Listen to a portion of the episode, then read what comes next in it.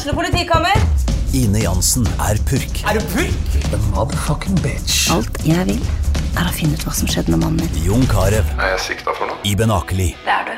Ole So, Lars Berrum og Big Daddy Karsten. Hvem sin side er du på, egentlig? Anette Hoff, Tone Danielsen, Kommer du fra Afrika? Jørnis Josef, Nesten. Kløfta. Trond Espen Seim, Det er synd å si det, men det var feil mann som døde. Purk. Premiere tirsdag på TV2 Play.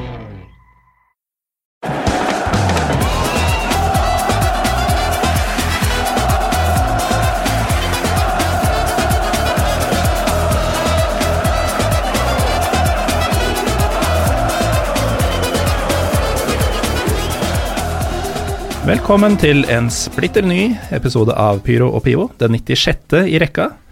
Hvor mye er eh, 100 minus 96, eh, Pål Thomas Lee?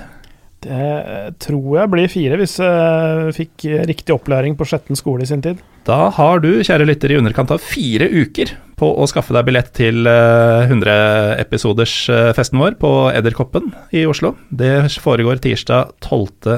mars klokka 18.30. Etter eh, showet, som bl.a. Uh, din podkast Fotballuka skal være gjester i, Pål Thomas. Ja, jeg hørte det. Det, det er kjempemessig. Jeg gleder meg som bare det. Jeg òg. Ja. Det, det blir stort. Altså. Jeg driver og drømmer om det nå, jeg. Eh, allerede? Ja, altså faktiske drømmer. Kaldsvette, Eh, eller? Jeg, jeg sover. Eh, Det har skjedd flere ganger de siste par nettene at jeg har sovet og drømt at kvelden har kommet, og at noe ikke har vært på stell. Oi, oi, Og så har jeg oi. hata meg selv, og så har jeg våkna og så har jeg syntes at alt var bra igjen. Ja. Men eh, det kan gå fryktelig galt, altså. Og derfor bør dere egentlig kjøpe billett, sånn at dere kan se meg gå til grunne, hvis du holder med Vålerenga f.eks. vi, kan det skal, vi skal holde deg i hånda, Morten. Takk. I hvert fall billetter fås på Ticketmaster. Det kommer masse gjester, bl.a. Halvard Dyrnes, standup-komiker, som skal være konferansier. Uh, Freddy Dos Santos kommer. Paul Thomas Clay og resten av fotballuka kommer. Trym Hogner og Petter Bø Tosterud kommer, og flere kommer. Det blir også et par overraskelser. Kanskje blir det noe musikk, og diverse. Uansett, Paul Thomas Clay, du er her i dag som gjest. Ja. Uh, og det er også du, Daniel Wangen, for første gang noensinne. Velkommen. Det stemmer. Det er stort å være her. Ja, Er det det, eller? Det er det virkelig. Vi eh, har jo uh, ikke kjent hverandre godt, men uh, visst om hverandre i gode ti år og vel så det. Uh, vi er jo romerikinger alle tre. Uh, en av oss er fra Fjellhamar, en er fra Strømmen, og du er fra Lillestrøm. Lillestrøm. Og da tror jeg de fleste oppegående lyttere allerede vet åssen vi kjenner hverandre. Det er gjennom eh, Åråsen og Lillestrøm SK. Det er helt uh, riktig. Det er riktig. Spørsmålet da er jo om det er fra Volla eller Vigernes' side. Vigernes. Det er riktig. Da har du antageligvis eh, møtt på mutter'n i løpet av tida. Hun var kontordame der. Nå trodde jeg først at du dro en mora mi-vits. Nei, det er Altså, ikke. Jeg var litt spent, jeg nå. Mut- Mutter'n jobba på Vigernes. Hun traska rundt i de gatene der, du. Sier Pål Thomas Clay om sin egen mor. Ja.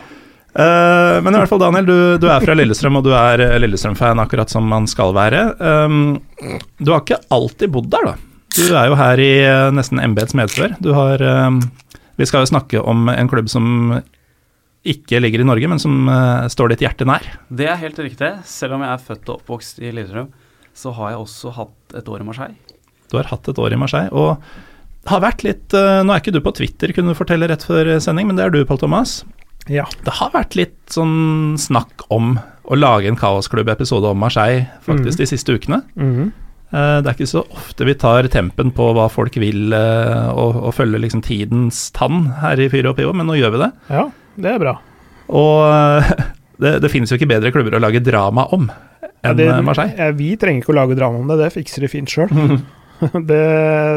ingen trenger å hjelpe eh, Marseille over i underholdningens rekker. Det, den den eh, fikser de fint sjøl, altså. Det er klart i år, i hvert fall. Så det er, eh, det er Ja. på god vei i år også. I år igjen, da. Ja, det føles litt som når ting går på tverke der, som det gjør i år, så er det litt sånn som det skal være. Nå er kanskje ikke du helt enig i det, Daniel, men kanskje litt. Det er en kaotisk by, og da blir det kaotiske forhold på fotballarenaen også.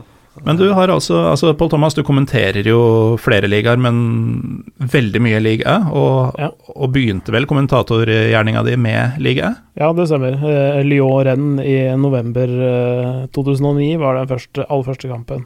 Eh, Som du kommenterte i det hele tatt, ikke sant? eh, ja, sånn live, ja. Mm. Mm. Og siden har det blitt eh, Ja, har du bikka 666 kamper totalt ennå, forresten? Nei, det har jeg ikke. Eh, Jeg tror det faktisk blir eh, semifinale i den nederlandske cupen mellom Ajax og Feinor. Det tror jeg blir kamp nummer 666. Det høres ut som et inferno som, Det- som passer bra Hvis vi til får en reprise av eh, The Klassiker eh, fra The Kaup eh, for noen eh, par, uker, eh, par uker tilbake, så blir det bra. 6-2-matchen? 6-2-matchen, ja. Den var lei, altså. Den er eh, noe av det drøyeste jeg har vært Mm. borti i løpet av de til nå 664 kampene. De to van Persie-skåringene der, nå er vi allerede gått langt fra tema, men det er jo det vi gjør her. De to van Persie-skåringene var som glansdagene. Ja, absolutt. Han, eh, han var Han tok fram sitt aller beste. Altså, han gjorde alle de der kjente bevegelsene. At han droppa litt ned, involverte seg, var med i oppbygninga og avslutta angrepet. Sånn som man kjenner ham fra sitt aller beste. Eh, og, og rolig i avslutningsøyeblikket, selv om han har to digre stoppere rundt Mm. seg. Altså helt eh, Altså nesten sånn verdensklassevariant av Robin van Persie, faktisk. Ja, faktisk. Akkurat den ene dagen. Ja. Men eh, Marseille, Daniel, du, du bodde altså et år der Det stemmer. og hadde sesongkort. 2009-2010-sesongen. Det er ikke en jeg, hvilken som helst eh, sesong å, å være i Marseille. Det var ufattelig god timing. Det var jo titteltørke i Marseille da jeg kom i eh, august 2009. I mai 2010 så var det altså et seriemesterskap i bagasjen pluss ligacupen. Mm. Så jeg kunne ikke truffet uh, bedre. Du kunne jo ikke det. Men uh, hvordan havner du i en situasjon hvor du bor i Marseille et år? Det er eh, egentlig ganske lang historie. Jeg kommer fra en frankofil eh, familie. I begynnelsen av eh, 2000-tallet så skjønte jeg fort at eh, Marseille er jo et fotballmekka. Så var vi der på familieferie i 2006. Da skjønte jeg at eh, dette er en by jeg virkelig vil utforske mer, og ikke minst fotballen som spilles der, da. Men uh, da var jo du ganske ung, du kan vel knapt ha fylt 20? hvis jeg ikke... 15-16 år ikke eh, sant? var jeg da. Første kampen var i 2008. Da dro jeg ned på egen hånd for å se Marseille-Bordeaux. Jeg har jo ikke vært i Marseille selv, men eh, jeg har jo et visst inntrykk av byen. Og jeg tenker eh, Kommer man ned dit som 15-åring, så tenker jeg nesten heller det hadde vært halen mellom beina. Eh, hvordan var det den klarte å bergta en tenåringsversjon av Daniel Wangen? Jeg husker jeg hadde veldig respekt for byen. Jeg hadde jo selvfølgelig hørt mye om stedet, som mange andre. Men eh, jeg har aldri hatt en vond opplevelse i Marseille. Jeg har vært heldig å kunne gått mye rundt i byen. Men beveget meg da selvfølgelig i de riktige områdene. Mm. Men allikevel så har det vært eh, en by med god mottagelse, og det er jo det mangfoldet den byen har, da. Det gjør at det er lett å føle seg hjemme der. Ja, For mangfold er jo noe av det vi skal inn på. Jeg tenkte vi kan starte litt med Marseille by. Fordi eh, den eh, Altså, du kan ikke ha fotballklubben uten, eh, uten det som ligger under. Det er, helt nøk det er nøkkelen til veldig mye av den klubben der, faktisk. Ikke sant? Og, og du har jo vært der selv, Pål Thomas. Ja, riktignok ikke med ligakamp, men sankthansaften 1998 var jeg der. Tilfeldigvis. Tilfeldigvis, ja. Bare sneia innom på interrail. ja, men vi, vi, jeg fikk eh, billetter til fire forskjellige kamper i Frankrike-VM. Eh, alle Norges gruppespillkamper og England-Romania i, åttendels- nei, i gruppespillet deres, faktisk. Så, Mm. eh, så Og så reiste jeg rundt på interrail, så det var en eh, Det var en fin tur, det. Må jeg si. Du fikk se Haji spille, Eh, ja, det gjorde jeg vel, uten at det har noe med Marseille å gjøre. Nei, det, det, var noe, det var noe helt annet. Det var i Toulouse, faktisk. eh, England-Romania. Men eh, Og da Norge-Brasil dagen etterpå. Vi, tok vi toget ned til Marseille. Det høres ut som en episode i seg selv, men hvordan opplevde du byen Marseille? Eh, vi holdt oss jo stort sett nede i det gamle havneområdet, Uh, for det var der uh, folk samla seg. Og der, det var, der er det jo tett mellom barene og- også, eh, noe som vi for øvrig drakk tomme i løpet av natta. Mm. Eh, men eh, der også eh, Mest den aksen mellom det og opp til uh, Stade Velodrom, da. Og så det- og så sov jeg på togstasjonen natten etter kappen. Det var ikke det smarteste, men eh, kom oss gjennom det òg. Å sove på en togstasjon er, eh, virker som en dårlig idé nesten uansett hvor du er. Men i Marseille, da? Det er, og det er nesten det verste, uh, som Daniel sa. Uh, det er altså Marseille er Frankrikes fattigste by. Uh, det er den nest største byen, så det er fryktelig mange mennesker der. Og dette er i det fattigste området. Er det virkelig Marseilles fattigste by? Eller er det bare noe man sier? Det, det er Frankrikes fattigste by. Det er Wow. eh, fakta. Størst arbeidsledighet, og det er en klassisk arbeiderby. Ja. Og det som er litt spesielt med Marseille kontra mange andre franske byer, det er at eh, de slitne områdene er integrert i selve byen. Sånn som området rundt togstasjonen, det er jo midt i sentrum. Mm. Det er det fattigste området i Marseille. Det er ikke sånn som i Paris, hvor du har disse forstedene Har langt unna. Du har en rundkjøring som avgrenser. Dette er uh, det fine Paris, og dette er uh, gettoen i Paris. Mm. Det har du ikke i Marseille. Nei. Så Marseille er Marseille. Det er veldig lett å komme inn til sentrum, selv fra de dårlige områdene. Så er det litt sånn nesten at du kan gli litt umerkelig fra et bra område til et uh, verre. Rett og slett. Det merket jeg også en av de første turene rundt i Marseille. Det er bare 200 meter fra havna, så kan du trå feil. Hva skjedde da? Det skjedde ingenting, men eh, jeg kom i en bakgate eh, bak Le Panier. Det er eh, da gamle bebyggelsen i Marseille. Som, som er egentlig en turistmagnet. Men bak der så skal du ikke gå veldig langt før Mm. du trår feil. Og jeg skjønte det når jeg så løshunder Ja. på gata. Det pleier å være et godt tegn hos løshunder. I vestlige byer så er det Og Marseille er en skitten by, så det er greit, men der Mm. var det ekstremt mye skitt og odør. Ja. Og jeg kom uh, litt feil, men redda meg inn uh, i tide. Men jeg ble aldri, følte meg aldri veldig ukomfortabel, men Nei. Det er litt sånn i, i Istanbul også, som jeg alltid finner en parallell til eh, hva vi nå har som tema. Eh, der har du liksom Taksim Beyolo-området, som er eh, den vestlige oasen, holdt jeg på å si, hvor, eh, hvor det er tett med utesteder og eh, transer i gatene og liksom kunne vært hvor som helst i Europa, nesten. Bortsett fra at det er mye magedans og tyrkiske instrumenter. Men uh, krysser du da en uh, trafikkert vei, Barbaros Bulvaret, så havner du på noe som heter Nei, ikke Barbaros, men Tarlabache. Da havner du i et område som heter Tarlabasje, hvor bl.a. stadionet til Kasim Pasha ligger. Og det er sånn derre Lokale sier at der skal du ikke gå. Eh, jeg har havna der noen ganger, hatt hotell der og sånn. Det, det er ikke noe farlig, men du kjenner med en gang at her er det faktisk lut fattig Mm. og, og mye drit. Og så krysser du den gata, og så er det bare party og velstand. Det det var litt sånn som jeg opplevde Marseille også. Det var sånn Det var jo på en måte akkurat den derre seafront-aktige greia som er i det gamle, den gamle havna. Og som du sier, eh, Daniel, bare kort eh, vei derfra, så kan du fort havne på feil sted. Og det var eh, dagen etter at du hadde bodd på togstasjonen, så bodde vi på Fifa-hotellet. For da hadde vi Dette var på slutten av en interrailtur, og vi hadde litt penger til overs. Altså var interrail. Eh, Ja, det var faktisk en interrailtur, ja.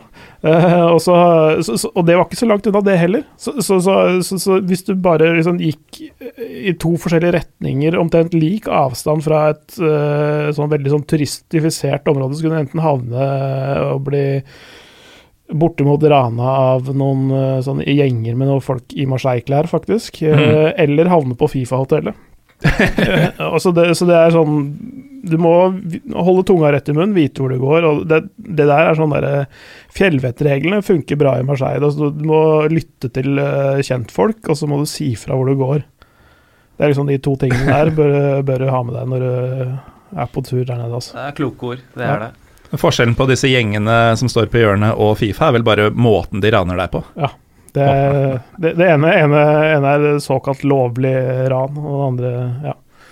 Men uh, for mange av oss, eh, jeg har jo ikke vært i Marseille selv, det er veldig høyt opp på lista mi, og blir ikke noe lavere av det vi har snakka om eh, så langt. Men denne serien på Netflix, denne dramaserien som heter Marseille, med Gérard Depardieu, eh, den er på en måte noe av det som har gitt meg det inntrykket jeg har av byen. Og det er jo mye korrupsjon, uh, kriminalitet, gjerne kriminelle som er litt sånn godt connected med politikerne og sånn. Er den serien representativ? Er det Det er en litt klisjéfull uh, serie, men Mm. det ryktet er jo av en grunn.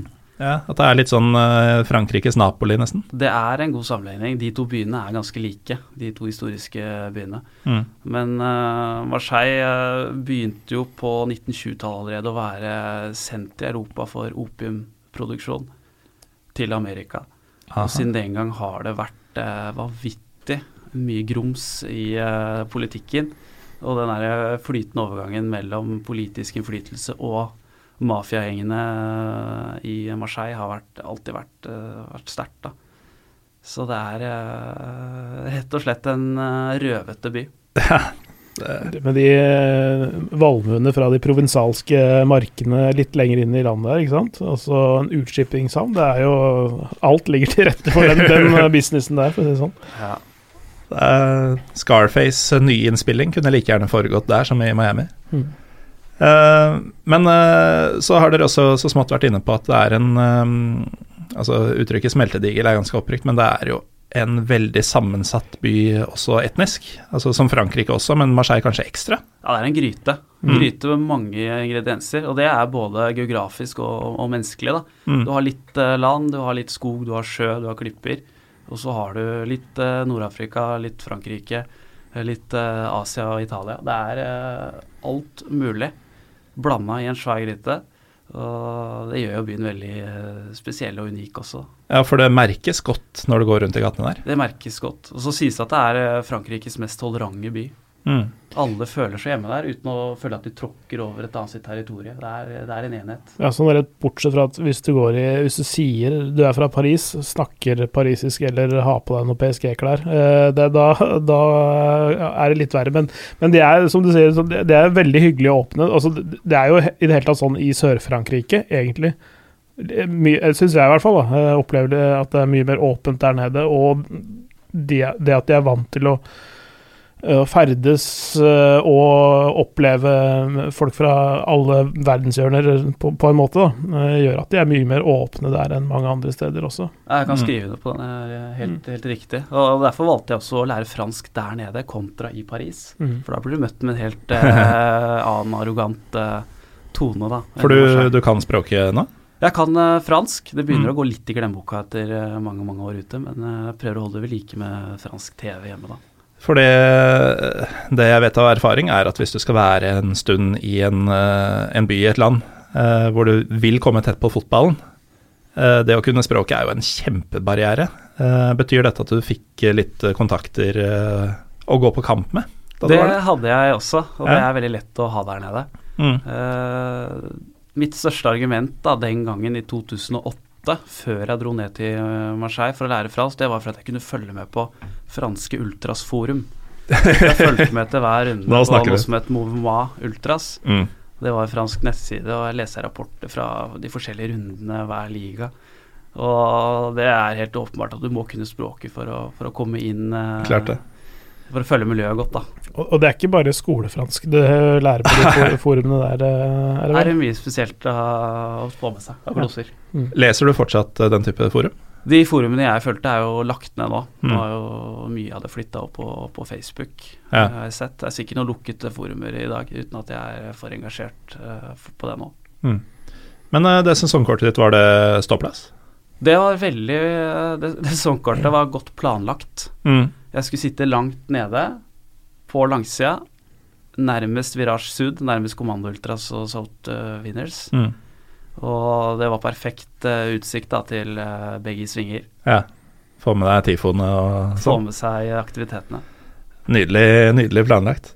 Men uh, jeg husker at um, Tilbake til dette med um, de blandede kulturene i byen. Um, første gang jeg ble bevisst på ditt forhold til Marseille, det var et um, en fanzineartikkel som du hadde i To Toast og en Juice Riktig, det. eh, for fryktelig mange år siden. Det er lenge Eh, siden. og da skrev du veldig levende om det å vandre rundt i ja, Mulig det var havneområdet i, kan fort være. i Marseille. Og du skrev bl.a. at menyene gjerne heller var på arabisk enn engelsk.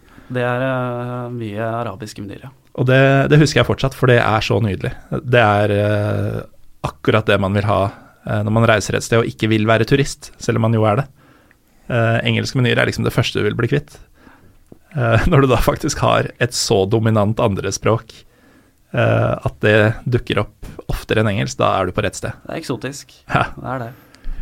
Bare, bare sånn for nysgjerrighetens eh, del. eh, To Toast on News, er det en eh, Lillestrøm-fanzine, eller? Det er en uh, Lillestrøm-fanside. Den finnes vel ikke lenger. Den er vel Eh, fort nedlagt. Ja. Men det to da- toast og en jusbegrepet består. Mm. Det er egen sang, til og med. Ultras eh, Felt C som eh, ga ut den i sin tid. Før de ble bannlyst, og da ble den en sesong utgitt av folkelige enkeltpersoner fra Lillestrøm. hvis jeg husker riktig. Stemmer det. Ja, det er herlig humor, ass. Ja, den er fin. Ja. Eh, men klubben, da. Nå har vi gått nesten 20 minutter og så vidt vært innom fotball, men vi kan jo, det er jo kaosklubb og ikke kaosby vi skal snakke om i dag. Tidenes første vinner av dagens Champions League. Har vel ikke bare gått uh, framover siden den gang. Uh, skal vi begynne i 1992-93, eller uh, må vi litt lenger tilbake for å danne et bakteppe her? Det, altså, kaos på, på, en måte, altså, og kanskje litt sånn uryddige klubbpresidenter, starter jo litt tidligere. altså, klubben ble grunnlagt seint 1800-tall, egentlig som en sånn sånn, hva skal du si, en sånn, en sånn idrettsforening som hadde handla mer om fotball, men som primært var rugby. og der, Derav kommer også det der klubb... Eh, si, det der, som er, betyr 'rett på mål'. Den franske uttalen kan eh, Daniel ta seg av. Dratt og bu. Bra det, Morten. Ja, jeg hadde fransk på videregående. Ja, eh, det, det, kommer fra rugby, og ikke fotball, faktisk. Ja. Eh, så vidt jeg har lest meg til, i hvert fall. Stemmer det. Mm, uh, og, men uh, den første litt sånn uh, På en måte blandingen av suksess og kaos kom med han der Leclerc i, på 60-tallet. Hvor de vel vant et par Var det serietitler tidlig 70-tall, var det ikke det? Og så måtte han ta sin hatt og gå. Det var, det, det var Eh, det, det, er en sånn historie som har to forskjellige eh, varianter her. Han, han, han ville ha en tredje utlending inn i klubben. Dette var når Josip Skoblar og en annen var utlendinger der, og så ville de ha en tredje. og de, Han lobba opp mot ligaen for å få lov til å ha en tredje utlending, og det ville ikke klubben stille seg bak, og derfor sparka de inn, sa de.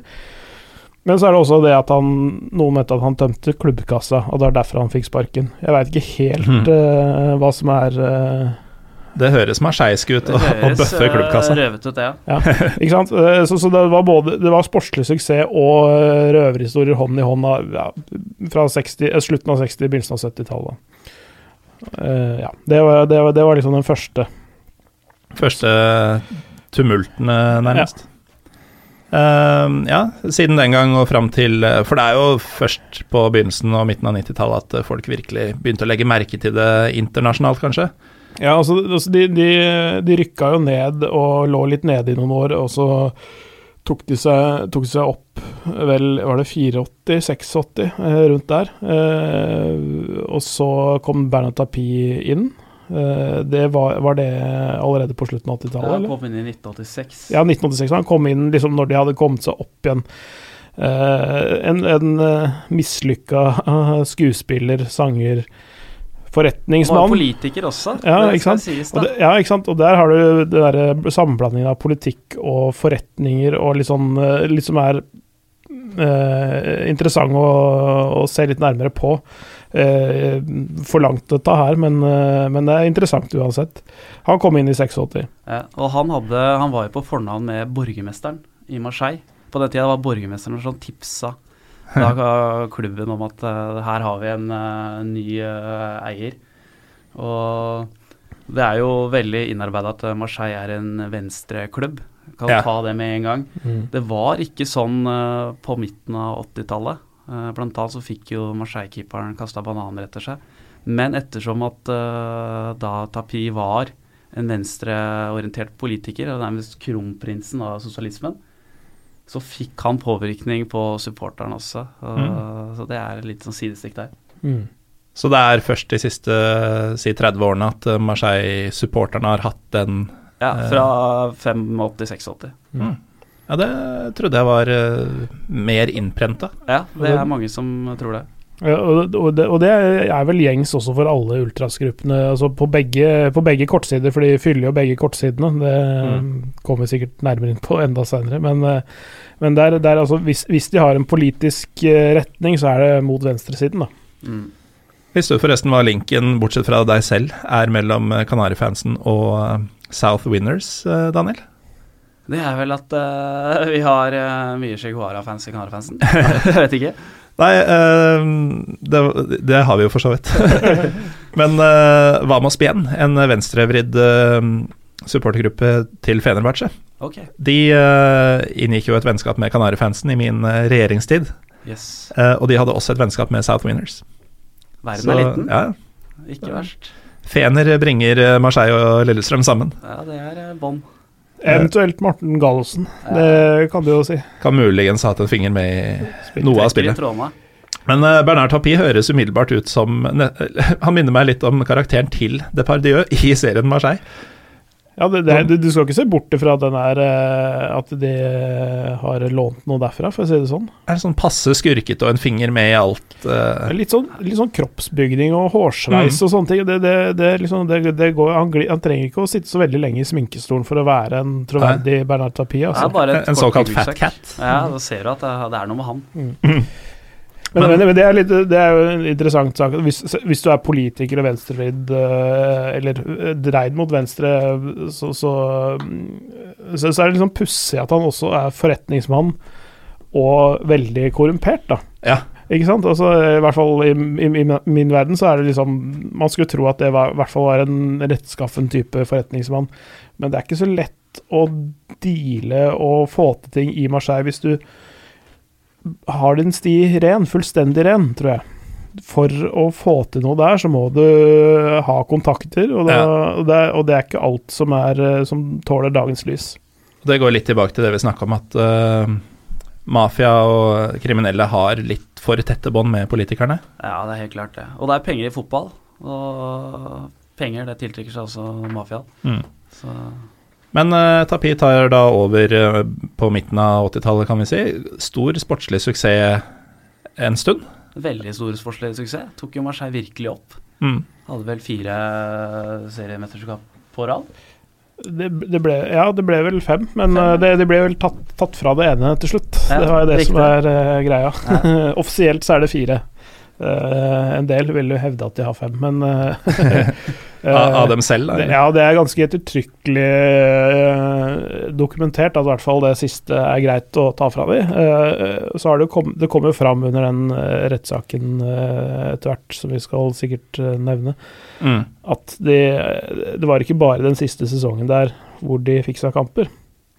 Det var antakeligvis et, altså Mellom 88 og 93 var det i hvert fall seks kamper, tror jeg de førte bevis for, i hvert fall, uh, som var fiksa.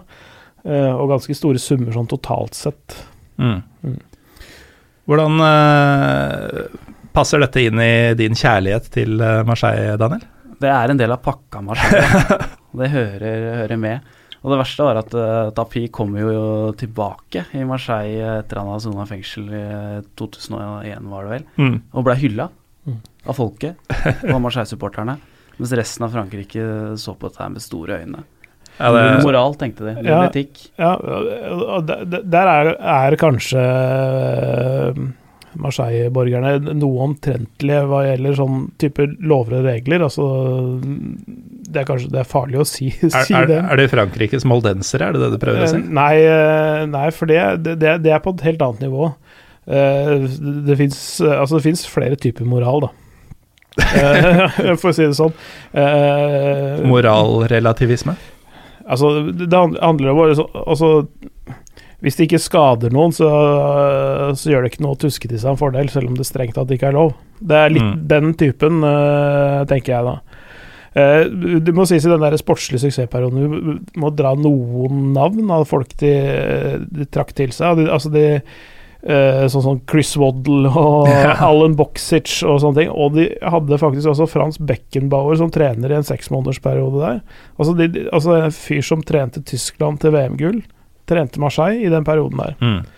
Uh, um, så, så, de hadde en enorm tiltrekningskraft også. Det var jo selvfølgelig litt på grunn av Tapis um, kontakter og, og, nettverk og sånne ting, men de, altså de hadde, hadde, et av de mer sexy lagene faktisk i verden i, i, ja, fra, fra 90-91 og til de vant da, Champions League i 93. Og da kan vi jo like gjerne gå litt inn på Twitter her, fordi vi etterlyste spørsmål, og flere vil at vi skal snakke om en av de mer sexy spillerne som var på laget i denne perioden. Jeg tipper du vet hvem eh, vi skal fram til, Pål Thomas? En, en, en, eh, en, eh, kraftpakke av en spiss med litt sånn, litt sånn krusete hår. Litt, det litt, litt sånn høres ut som en type som både SA Prag og Bjørn Terje bl.a. har lyst til at vi skal snakke litt om. Jean-Pierre Papin. Papin. Ja. Uh, han, han, var, uh, han var uh, en av mine sånn tidligere helter, fordi jeg var når jeg spilte sånn myggefotball og sånne ting på 80-tallet, eh, før jeg begynte på stor bane, så var først Rudi Føller, en annen Marseille-spiller. Uh, en av mine aller største helter fra 86-VM og, og videre. Han endte jo opp i Marseille etter hvert. Uh, Jean-Pierre Papin var en annen sånn type Ganske lett gjenkjennelige spisser. Ja, absolutt. eh, Og, og Papin var altså han, han var en spektakulær spiller, da, for å si det sånn. Eh, Det er jo bare å gå på YouTube, og de som har sikkert sendt inn spørsmålene, har sikkert sett alle disse tingene før. Um, Men til Eh, nye lesere. ja, en, en, en, en målmaskin, egentlig. Eh, fantastisk. Sånn, sånn eks, veldig eksplosiv spiss som hadde Som kunne mm, skåre ganske Hva skal vi si Avanserte kunstmål, da. Eh, hadde vel Jeg husker ikke helt hva det het, men det ble oppkalt et slags sånn brassespark, sånn sykkelspark, etter Papin. Altså, hvis du nevnte dette her, så, så skjønte du at det er en sånn, en sånn klassisk Papin-scoring, da. Det var eh, han, han satte spor etter seg. En Eh, papinett eller ja, noe no, no, noe, sånt. Jeg husker, det var noe i den duren, i hvert fall. Altså sånn Jeg husker ikke helt nøyaktig. Men i hvert fall, han var Han er kanskje eh, Kanskje den største i klubbhistorien. Han ble plukket han ble, Jeg tror han kom på topp når eh, Marseille feira 100-årsjubileum i 1999, eller, eller om det var i, i 2009 når de hadde 110-årsjubileum, at de hadde sånn derre eh, århundrets spiller. At For- han kom på topp der. Ole P. Olsen spør eh, rett og slett, eh, Daniel, er Jean-Pierre Papin tidenes beste i Marseille? Du eh, så han vel ikke spille selv nødvendigvis, men du har jo pleia omgang med folk. Ja, jeg er litt ung for Folk. å få med meg storhetstiden der. Men hvor mye snakker de om Papæ? Han er nok den største blant de lokale. Mm. Det, det er jeg helt enig med, med Thomas i. Mm. Så vil det alltid være egne preferanser på det. Ja, og de litt eldre vil nok eh, trekke fram eh, Josip Skoblar, som eh, var ja, den gang jugoslav, nå kroat.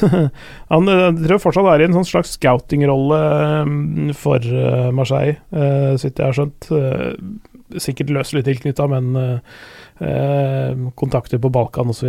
Han, han var en av de aller største før pappa, i hvert fall. Uh, og de, de, man, man kan jo Det er umulig å sammenligne forskjellige generasjoner. Det er omtrent 20 år imellom disse to også. Mm. Uh, det var i den eh, var i 1971 eller 1970-71 eller 71-72-sesongen så skårte han 44 mål.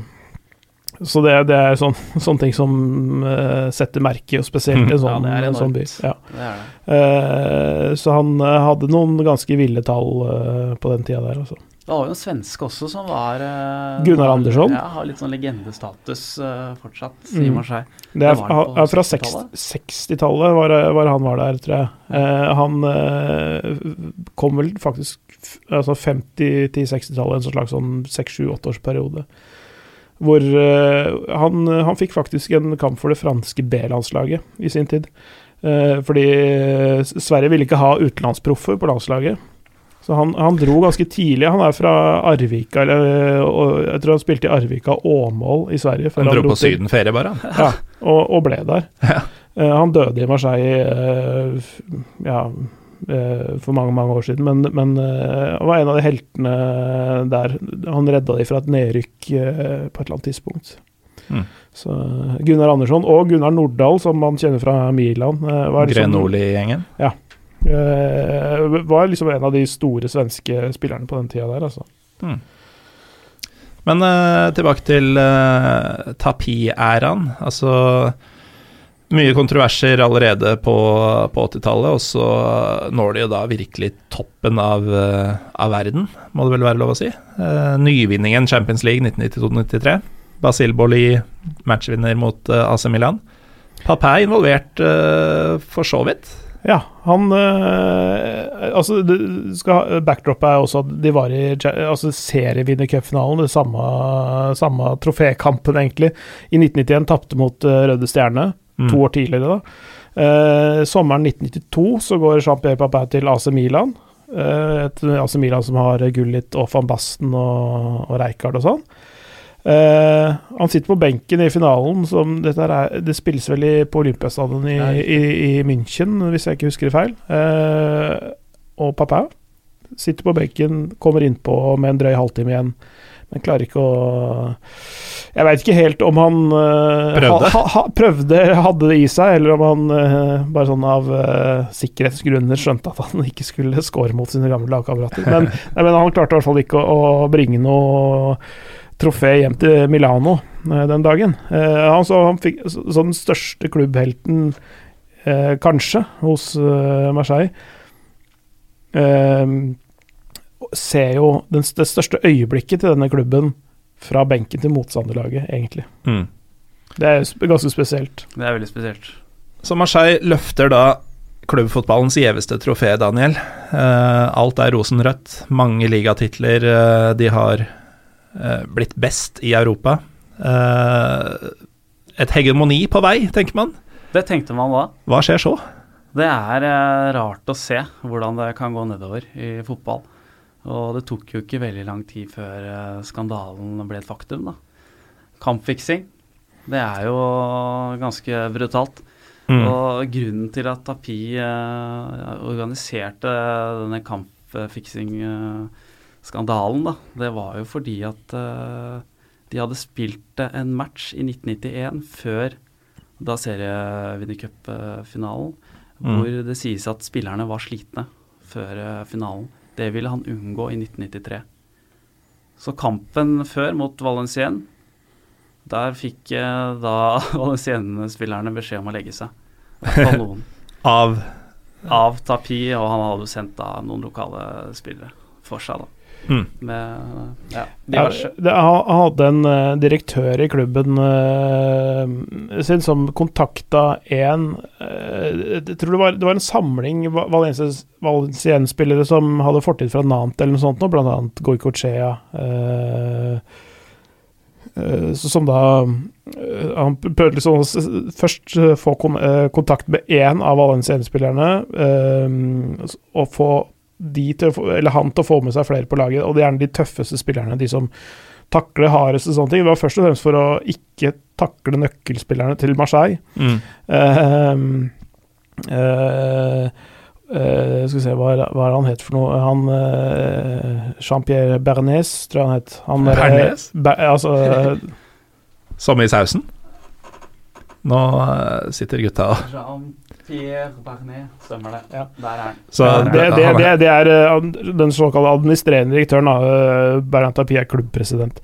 Han, han, tar kontakt med en fyr som heter Jean-Jacques uh, Edeli, hvis jeg uttaler det riktig. Det er sikkert bra nok. Sikkert bra nok, ja. ja. Jorge Borushaga og Christophe Robert som er de tre som senere også blir dømt for dette her.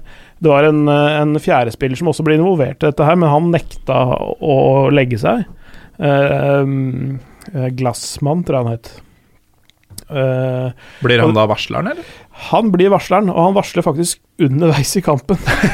han, han, snakker med dommeren, og snakker, de snakker med, med, med treneren uh, til Valencien, og det er sånn og, og senere så har dommeren i kampen forklart at han skjønte at ting ikke var helt sånn som det skulle, for uh, Jorge Boruchaga var veldig, som uh, argentineren som både før og etter Frankrike-oppholdet spilte i Independiente. Han, han, han, uh, han var alltid en sånn, en sånn skikkelig sånn bjeffer, bjeffer, og jordfreser av en spiller.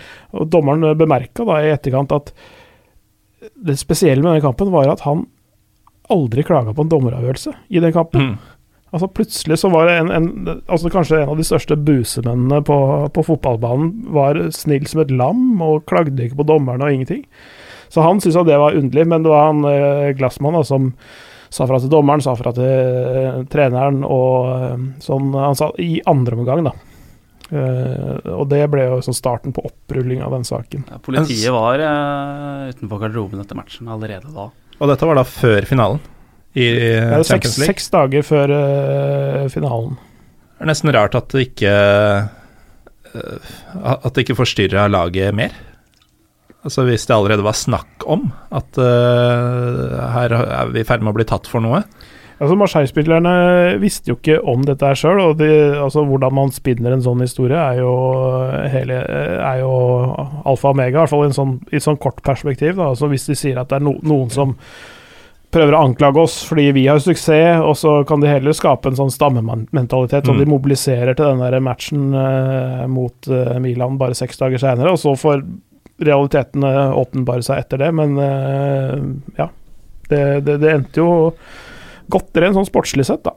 Akkurat der og da. Akkurat, ja. Og um, så får vi da denne Tapi-saken hvor ting kommer for en dag. Daniel, Um, først og fremst, klubben blir hardt straffa. De blir hardt straffa. Så i 95 så får de jo den uh, tøffe beskjeden om at uh, nå må dere ned en divisjon. Mm. Og det er eh, Det var jo synd, da, fordi nå hadde de virkelig etablert seg som en stor europeisk klubb. Og da er det tungt å ta steget ned.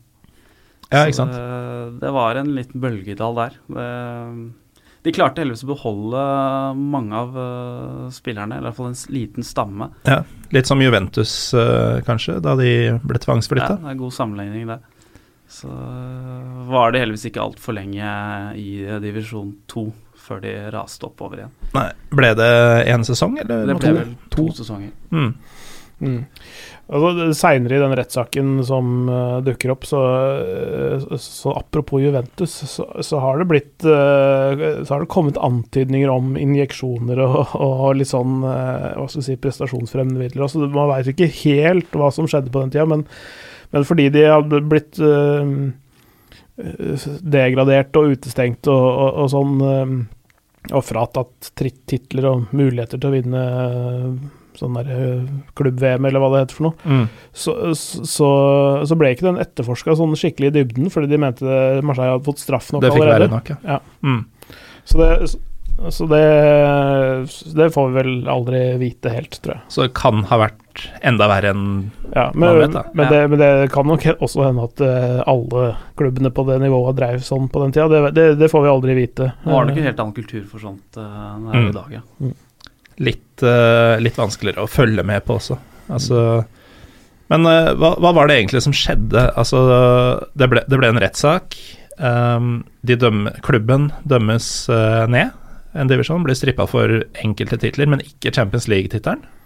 Nei, fordi, fordi eh, de, de hadde ikke fiks... De, dette, det, dette var jo utgangspunktet en kampfiksingsgreie. Altså de hadde kommet, eh, tror man da, i hvert fall, kommet seg til finalen på rent vis og vunnet den på rent vis. Eh, så jeg kan jo alltid stille seg spørsmål ved det også, men, men det er i hvert fall det som eh, skjedde. Så de, de kan ikke bli fratatt en tittel hvor de ikke har gjort noe gærent på veien dit, eh, sånn sett. Mm. Eh, men de, de fikk jo ikke da delta i Europacupen året etter. De vant jo serien også rett etter at denne finalen var, eh, var ferdig. Mm. Det som var den femte tittelen som de ble også fratatt. Ja, og var jevnt kappløp også den Ja. sesongen om seriemesterskapet. Ja, PSG, som faktisk var nummer to, som nekta å overta plassen deres i, eh, i Champions League. De nekta også å spille da Champions League året etter. Ja. Selv om de hadde muligheten, så det endte med at Monaco fikk den Mm. plassen. Nekta de av solidaritet med Marseille? Vanskelig å si, men de følte vel at det, det, gikk, det ble for lett. Det kom fra feil eh, Ja, det var ikke deres hold. plass. Nei, det tror jeg. Jeg tror Atlettevis har vært et annet lag. Se for dere spesielt PSG, kanskje, men en hvilken som helst klubb si nei til en Champions League-plass i dag. Jo, og så var det Jo, det, det er også en, uh, fall en, en av teoriene. Kanal Pluss sponsa jo uh, PSG på den tida der, og, og Kanal Pluss ville ikke at PSG skulle ta over plassen uh, til Marseille, for da ville Kanal Pluss miste veldig mange seere og abonnenter i Provence-regionen. Uh, og en veldig folkerik region, ikke sant. Med, jeg vet ikke, Det er vel noen millioner mennesker som bor der nede. Eh, så det var litt sånn strategisk fra sponsorens side eh, i Mhm. PSG. eh, og det, ja, det har vi fått nye varianter av seinere, men eh, at sponsorene betyr mye i PSG, det Det har vi skjønt. Ja. Men Kanal Pluss som sponsor i PSG, blir det Altså Hvis vi skal overføre det, er det som om TV2 skulle sponsa Rosenborg? Nei, på det tidspunktet så var det litt mer sånn kabel-TV-selskap. og, eh, altså Det, det, var jo en sånn, en sånn brytningstid mediemessig også, der, hvor, hvor kabel-TV kom inn, uh, egentlig. Uh, det kom jo fra midten av 80-tallet, sånn omtrentlig. Uh, hvor, det var noen kabeltilbydere, og noen hadde også egne kanaler. Altså, så, så det var et litt sånn Det er ikke helt sammenlignbart med, med dagens mediebilde. Du finner ikke helt den samme greia der, men, men ja. Ja, det var i hvert fall det sånn, sånn eh, Det er en av begrunnelsene, i hvert fall, eh, har det blitt sagt. Hva skjedde med Bernard Tapie eh, etter denne rettssaken, Daniel? Han fikk fengsel i seks måneder. Men han var jo Han sona i seks måneder, han fikk- Sota, ja, han Ja. var tilbake ganske raskt. Han fikk litt mer enn to års fengsel. Noe av det var betinget, noe av det var for kampfiksing, og noe eh, ja, noe annet. Var det skatteunndragelse? Ja, skatt- ja. altså. Ja, det er Ja, klassisk. Og, og, det, og det, å, det også å loppe eh, klubben for penger. Altså sånn altså underslag, rett og slett. da Mm. Så Han Hvitsnipsforbrytelser. hadde mektige venner, så da, da slipper man Ja. billigere unna. ja, får, litt, uh, får deler av dommen betinget og slipper ut tidlig. Ja. uh, så, så Nei, han Seks måneder sona han totalt av eh, en 26 måneder lang eh, fengselsstraff. Vi drikker i ganske jevnt tempo, Pål Thomas. Ja, godt Jeg kom inn for litt siden. Begynner, begynner som et gammelt ektepar. Vi er så, så koordinerte. Ja, du, det er jo andre gang du er med på denne siden av nyttår. Vi er bare i februar. 2019. Mm. Jeg, jeg har tenkt jeg skal gjøre en opptelling av eh, gjester du har hatt i Pyro Pivo, og så se hvem som har vært der oftest. Eh, jeg tror ja, er oppe der, altså. Trym eh, topper vel. Eh, og så skal jeg det skal jeg gjøre Jeg tror jeg kommer på pallen. Ja, det tror jeg også. Eh, jeg tror Lars Skau kanskje kan være konkurrenten din til andreplassen. Mm. Han var så mye med i fjor. Ja. Nå sklir det ut igjen. um, så Tapi i fengsel mye mindre enn han kanskje burde være, Daniel. Eh, klubben flytta ned én divisjon, bruker to år på å komme opp igjen. Um, sånn ringvirkningsmessig, hvor store konsekvenser fikk dette egentlig for eh, Marseille som klubb? Det fikk jo sportslige konsekvenser, først og fremst. Men allerede i 96 så ble de jo kjøpt opp av Adidas-eieren, som eh, heter så mye som Louise Dreyfus-familien. Mektige mennesker, det også. Og nå, eh, ja, Louis Dreyfus-familien. Dette er ikke kødd, dette er faktisk familien til Elaine fra Seinfeld. Ja, det er faktisk Hun er en, en nevø av, eh, av han eh, sjefen, tror jeg faktisk. Hun er vel heller en niese, vil jeg tro. Ja, niese, selvfølgelig. Niese. Ja. Han Mm. er onkelen eller sånn, ja, filleonkel eller et eller annet sånt.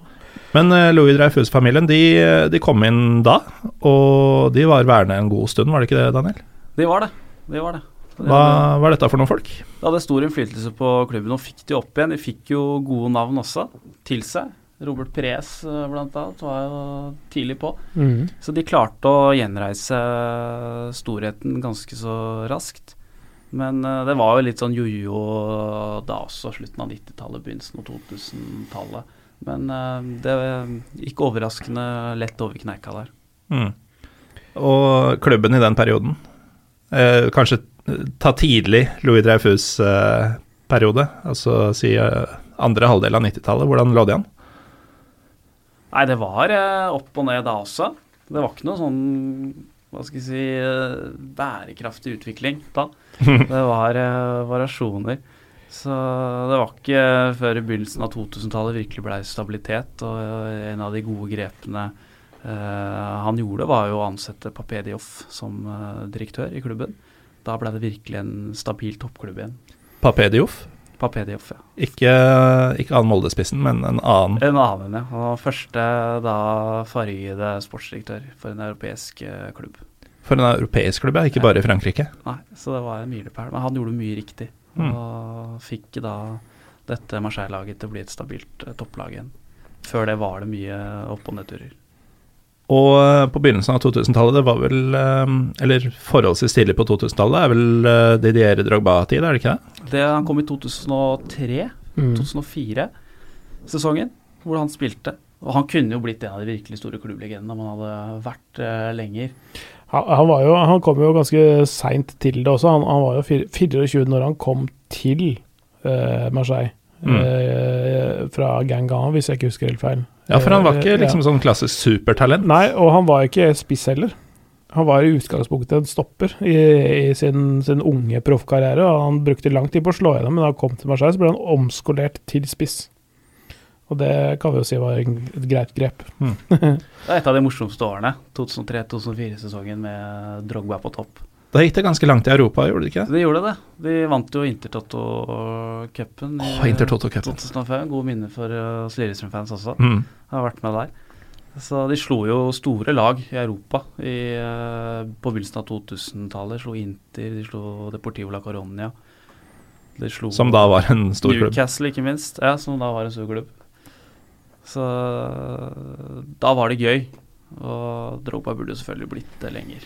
Jeg hadde jo Frank Ribberi var jo også der, eh, altså litt i etterkant, eh, kanskje, egentlig, av Drogba-perioden. Så var jo Frank Ribberi Det er jo da han slo gjennom. Riberi gjorde jo det motsatte av alle andre spillere.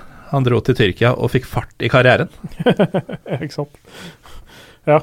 Eh, men, men, men hvis, hvis du tenker deg på litt, litt av de spillerne som det er, bare for å reflektere litt rann, eh, eh, Ja, det har vært stabilitet der, men, men det har også altså, Det har jo svingt sånn resultatmessig i perioder eh, likevel. Eh, altså de, de har heva bunnivået, kan du si, litt. Grann, da. At de, de har ikke vært et lag som har flørta med noe nedrykk eller noe sånt, men de har hatt sånn andreplass, tiendeplass, andreplass, sjetteplass, trettendeplass, andreplass. Altså litt sånn, litt sånn jojo-resultater, i hvert fall i de senere årene. Det Har jo vært det de siste ti åra nå, ja. Mm.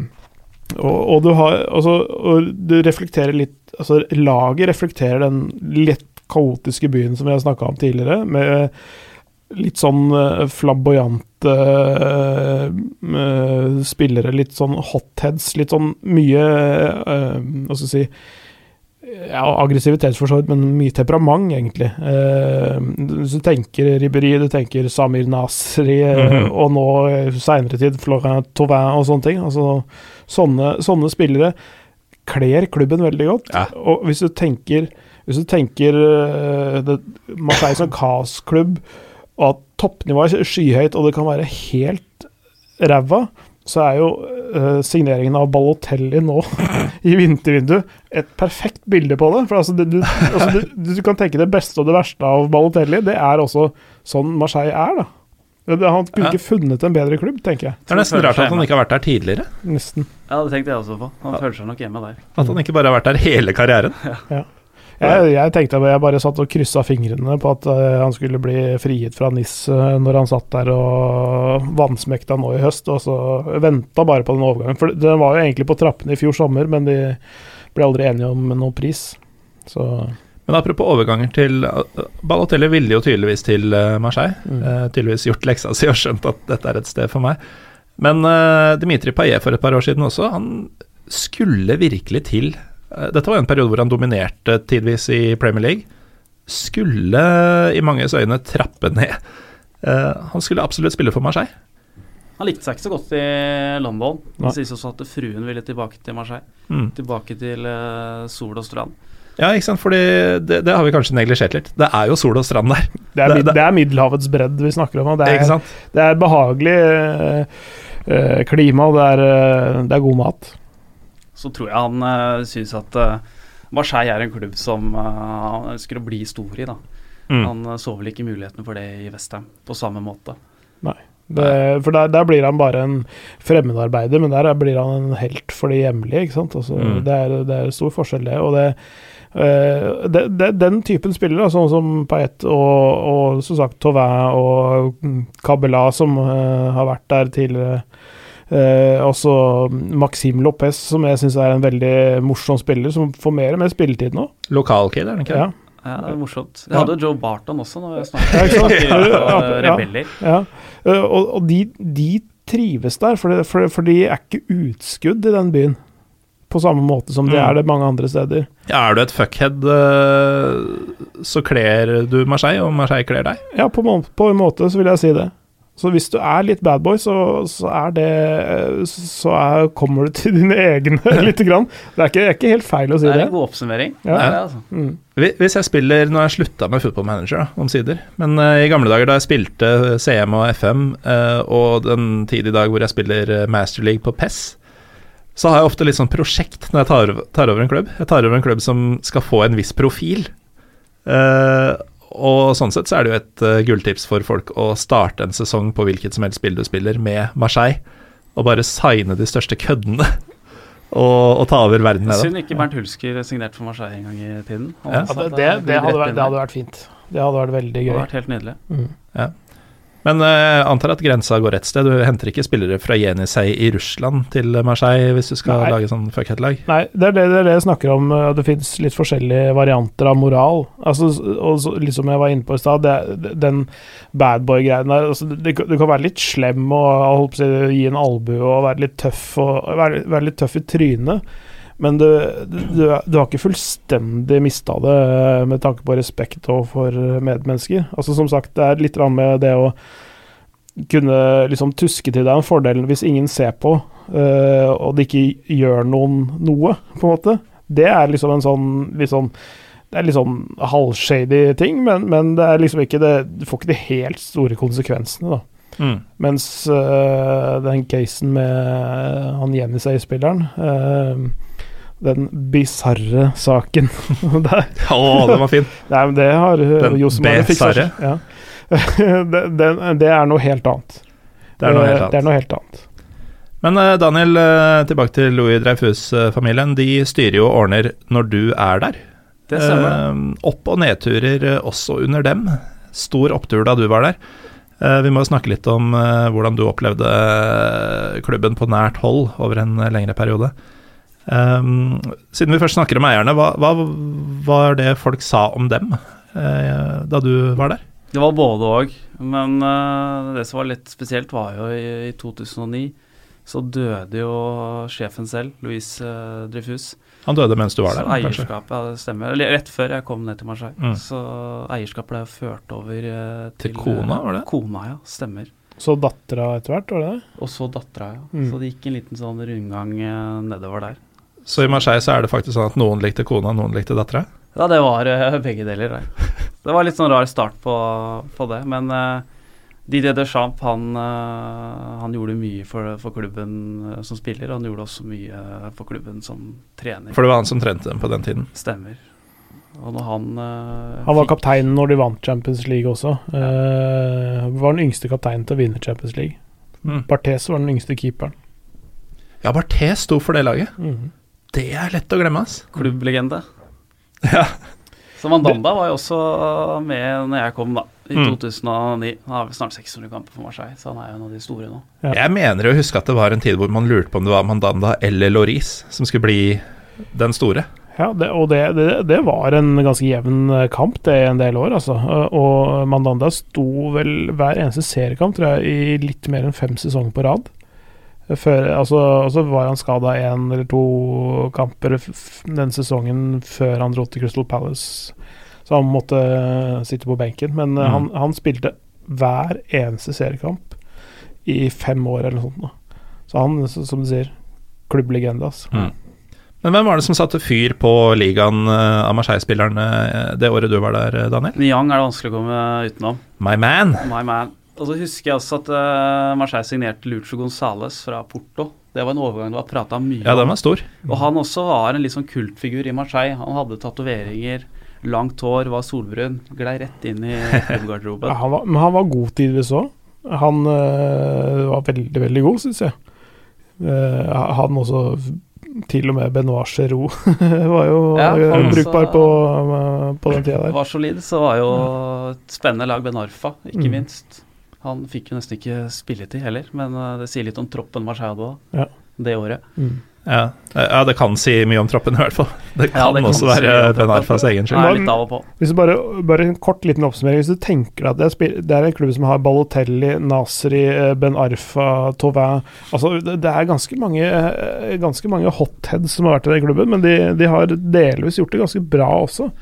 Fått retta opp i litt av sine unoter i den klubben Mm. der. Men det er sikkert ikke alle som vet eh, hva som gjør Tauvin til et hothead. Nei, det, er, det må bare følge med på han. Han, har også, han maste seg jo til en overgang. eh, Han skulle jo egentlig Han var vel Var han Bastia-eiendom, egentlig? Han var det. Eh, spilte, Korsik, spilte for en korsikansk klubb. Det, det i seg sjøl er jo et eh, litt lengre lerret å bleke, men eh, en episode om eh, Bastia eh, og, og Ajacho, for eksempel. Det hadde vært noe. Men han skulle egentlig til Han var egentlig kjøpt av Lill. Han på, på et godt stykke i forveien dro opp til Lill også, mener jeg. øh, Men han nekta å trene med dem, for han ville heller til Marseille. Rett og slett, Han bare, han bare protesterte seg til en overgang, og da endte han i Marseille til slutt. Men det kledde han bra. Og så ble han jo mislikt også når han også pressa gjennom en overgang til Newcastle. Mm. Følte at nå gikk han for pengene, akkurat som Drogba og den uh, historikken han hadde, og Nasri også, og Mm. Ribéry. Det er jo en herlig kultur, Maser en Når, overgang, men så kommer han jo tilbake igjen, da, ikke sant. Så Mm. det- er jo men det er jo en herlig kultur når du i fullt alvor mener at nå går du til penga, når du faktisk går til en uh, dessverre vesentlig større liga, i det minste, om ikke en større klubb. Um, de, de mener det, liksom. Det er ikke sånn som i Lillestrøm når eh, Marius Amundsen sier han skal spille for Real Madrid, at uh, man tenker sånn Hva faen skal du der gjøre? Du, du får det ikke bedre enn her. Nei. Mm. Nei, men han skjønte vel fort at Marseille var, eh, var hjemme. Det tok ikke lang tid før han kom tilbake. Men angående temperamentet, da, så ble jo han utvist i første kampen. Han var tilbake. Mm. Ja, ikke sant. Ja. Han kom inn på det var vel rundt det 60.-70. minutt. Mm. Første han gjorde, var jo å få direkte rødt. Det er også, det, er også sånn deilig Marseille. Det, det har for så vidt vært litt sånn Sånn som Monaco har vært i vintervinduet òg, men det er, det, det er jo ikke en kaosklubb på, sam, på samme måte. Men, eh, men ja, det er sånne spillere som ble henta inn uh, og får direkte rødt eh, i første kampen, det er ganske fint. Men eh, altså, Louis Dreyfus-familien holder på i eh, nærmere 20 år, må det vel ha vært. Og ehm, så er det de siste par årene så er det kommet nye eiere. Ja, Eh, klubben var jo lenge til salgs. De fant jo ingen uh, eiere umiddelbart. Det var jo litt uh, snakk om uh, Qatar og Saudi-Arabia også. Ja, det var flere interessenter som hovra rundt dem, men det var De har Det er også fordi den har den litt brokete historien. Det er en by som har litt sånn frynsete rykte, så tiltrekker du deg kanskje ikke de mest glamorøse investorene heller, egentlig. Det er det som er eh, eh, altså Sånn som Qatar-prosjektet og Paris handler jo om å lage en litt sånn flashy variant og få litt sånn eh, elevert europeisk kultur inn i Qatar-sfæren, ikke sant? Altså bygge noen sånne der, eksklusive, flotte linker der sånn. Det, og det er jo ikke Det går jo ikke i Marseille. Det vi har vært inne på, eh, løshundene eh, allerede. Um, og de fikk da etter hvert en beiler som kjente seg litt igjen i klubben. Han ble eh, introdusert for dette her, jeg husker ikke hvem, helt hvem den personen var, men Frank McCourt, som tidligere eide LA Dodgers i MLB, en sånn baseballklubb i, i Los Angeles, eh, som egentlig er fra Boston. Han er fra nord nordøstlige eh, USA, som, og han, han sier at han kjenner veldig mye igjen i, i Boston eh, kontra Marseille, og, og Marseilles forhold til Paris og Bostons forhold til New York, egentlig. ja, Skitten by, Ja. underdogs. Ja, og han, han var Og han, han eh, snakket med flere folk, fans av Marseille, som han sa det, de dukket opp overalt. Det er jo Frankrikes mest populære klubb. Det er var jo viktig å få med det- seg. Ja, det er viktig å få med seg. Altså det, de, og det er fans overalt i hele Frankrike. Ja, blant annet så snakket han med en, en, en, eh, en supporter, sa han, fra Amiens, som viste seg å være Emmanuel Macron Oh, ja. som er Marseille-fan. da. Uh, uh, men eh, eh, Ja, det var, det var den derre linken eh, mellom eh, det, det, det han kjente igjen i engasjementet og passion for, for Marseille, kjente han igjen i seg sjøl gjennom Boston Red Sox og, og New England Patriots, da, som han var fan av når han var liten, eller yngre. Eh, At han, han kjente der, det der, den indre driven, den der eh, flammen inni der, som var den litt irrasjonelle fanen, men som, hvor det betydde alt. Hvordan- Det kjente han igjen i de han møtte som var Marseille-fans. da. Hvordan eh, har uh, Marseille, marseillenerne, eller hva man kaller det, tatt imot uh, McCourt? Hva syns de om han, eh, Daniel? Det var blandet uh, i starten. Han visste jo ikke helt hvordan dette her eh, skulle gå. Han høres ut til å ha sagt veldig mye riktig. Han følte seg hjemme i byen. Det var jo en god start eh, sånn sett. Men han fikk litt kritikk for å lansere Champion-prosjektet sitt. Det virket lite troverdig, da. Det er eh, også et prosjekt som gikk på at eh, Marseille skulle tilbake i det ypperste selskapet av Champions League. Altså år. Altså vinne Champions League? De skulle inn i gruppespillet. Ah, ok. Ja. Sånn Champions League. Sånn, sånn Champions League. Men eh, det virket lite troverdig sånn han la det fram. Det var ikke, eh, han brukte mye penger i første overgangsvinduene, men det var ikke nok til å kunne eh, lage Det minner meg litt om den femårsplanen til Vålerenga under eh, Kjetil Rekdal. Martin Det- Andresen, eller? Martin Andresen, sorry. ja. Martin Andresen. Det gikk ikke akkurat bra, det heller. Men, eller, eh, eller Blue Dream til Ingebrigt, eller Ja, det er kanskje det eh, villeste. Eller det der greiene med Erik Soler i start, eh, han skulle bli best i Norden.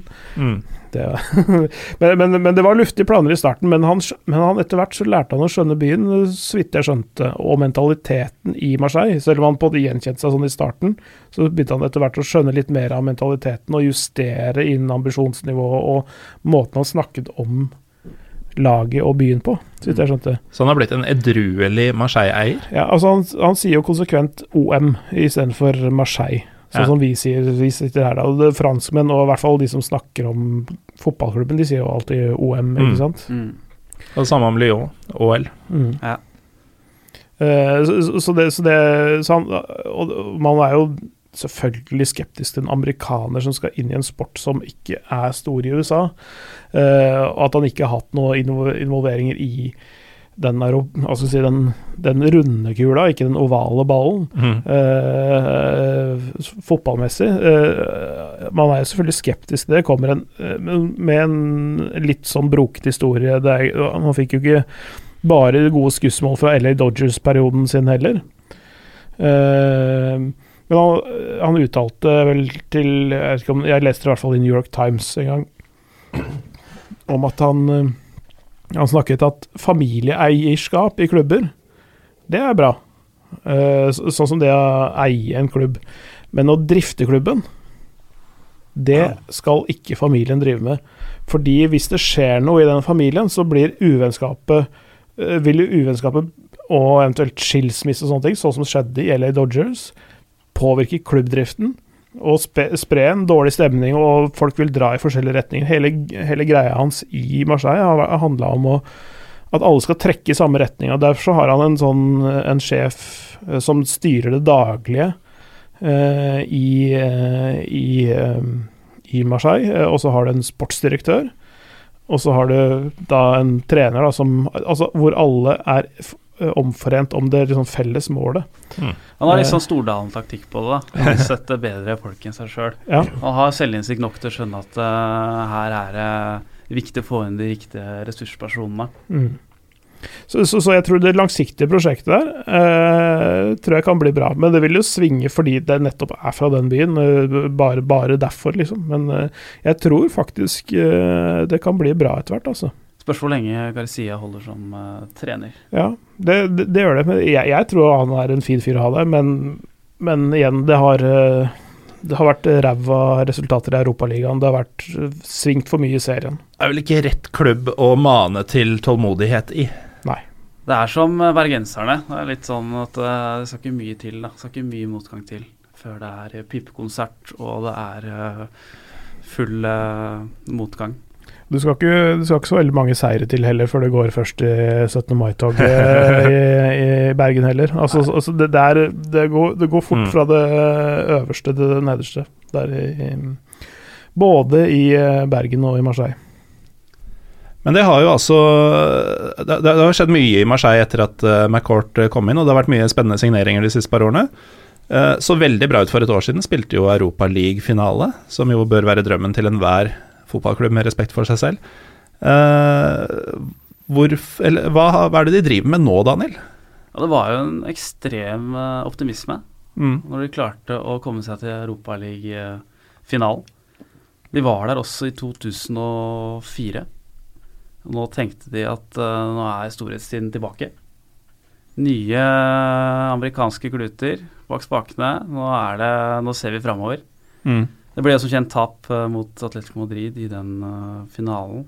Og deretter har det vært en veldig trøblete 2018-2019-sesong. Det det, det, det, var, det var fryktelig nærme. Vi må jo snakke om den der, eh, skaden på Dimitri Payet og tårene som gjør at det, det, det hele glipper. Mm. og VM-et hans glipper, egentlig. Ikke sant? Ja. Så, så, så det var sånn Det var ikke så langt unna å klare det, faktisk. Ja, brutalt. sånn. Ja. Det var brutalt. Og når du mister Dimitri Payet i det laget der, i den flyten og, og den viktigheten han hadde i det laget, så, så, så var det helt, helt avgjørende, tror jeg. Altså, det, de hadde vært, i hvert fall i, i det minste mye nærmere av å ta den tittelen, faktisk. Men, men å tape en finale mot Atletico Madrid eh, det, Det, kan jo ikke i seg selv knekke spiriten og, og klubben. Det, det må ha gjort, blitt gjort mye feil siden den gang. Det er mye problemer i Marseille når det gjelder å få god nok stamme som samarbeider. Det er mye egoer i klubben. Ja. problemet var vel at de ikke gjorde nok.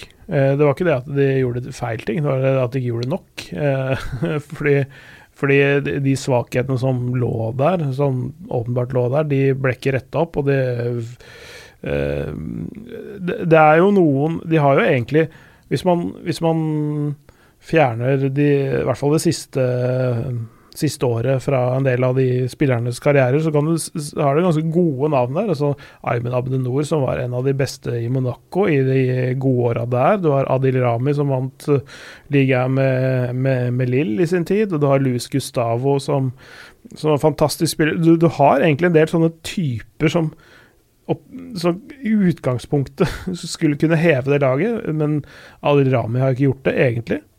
Eh, I hvert fall ikke Ayman Abdenor.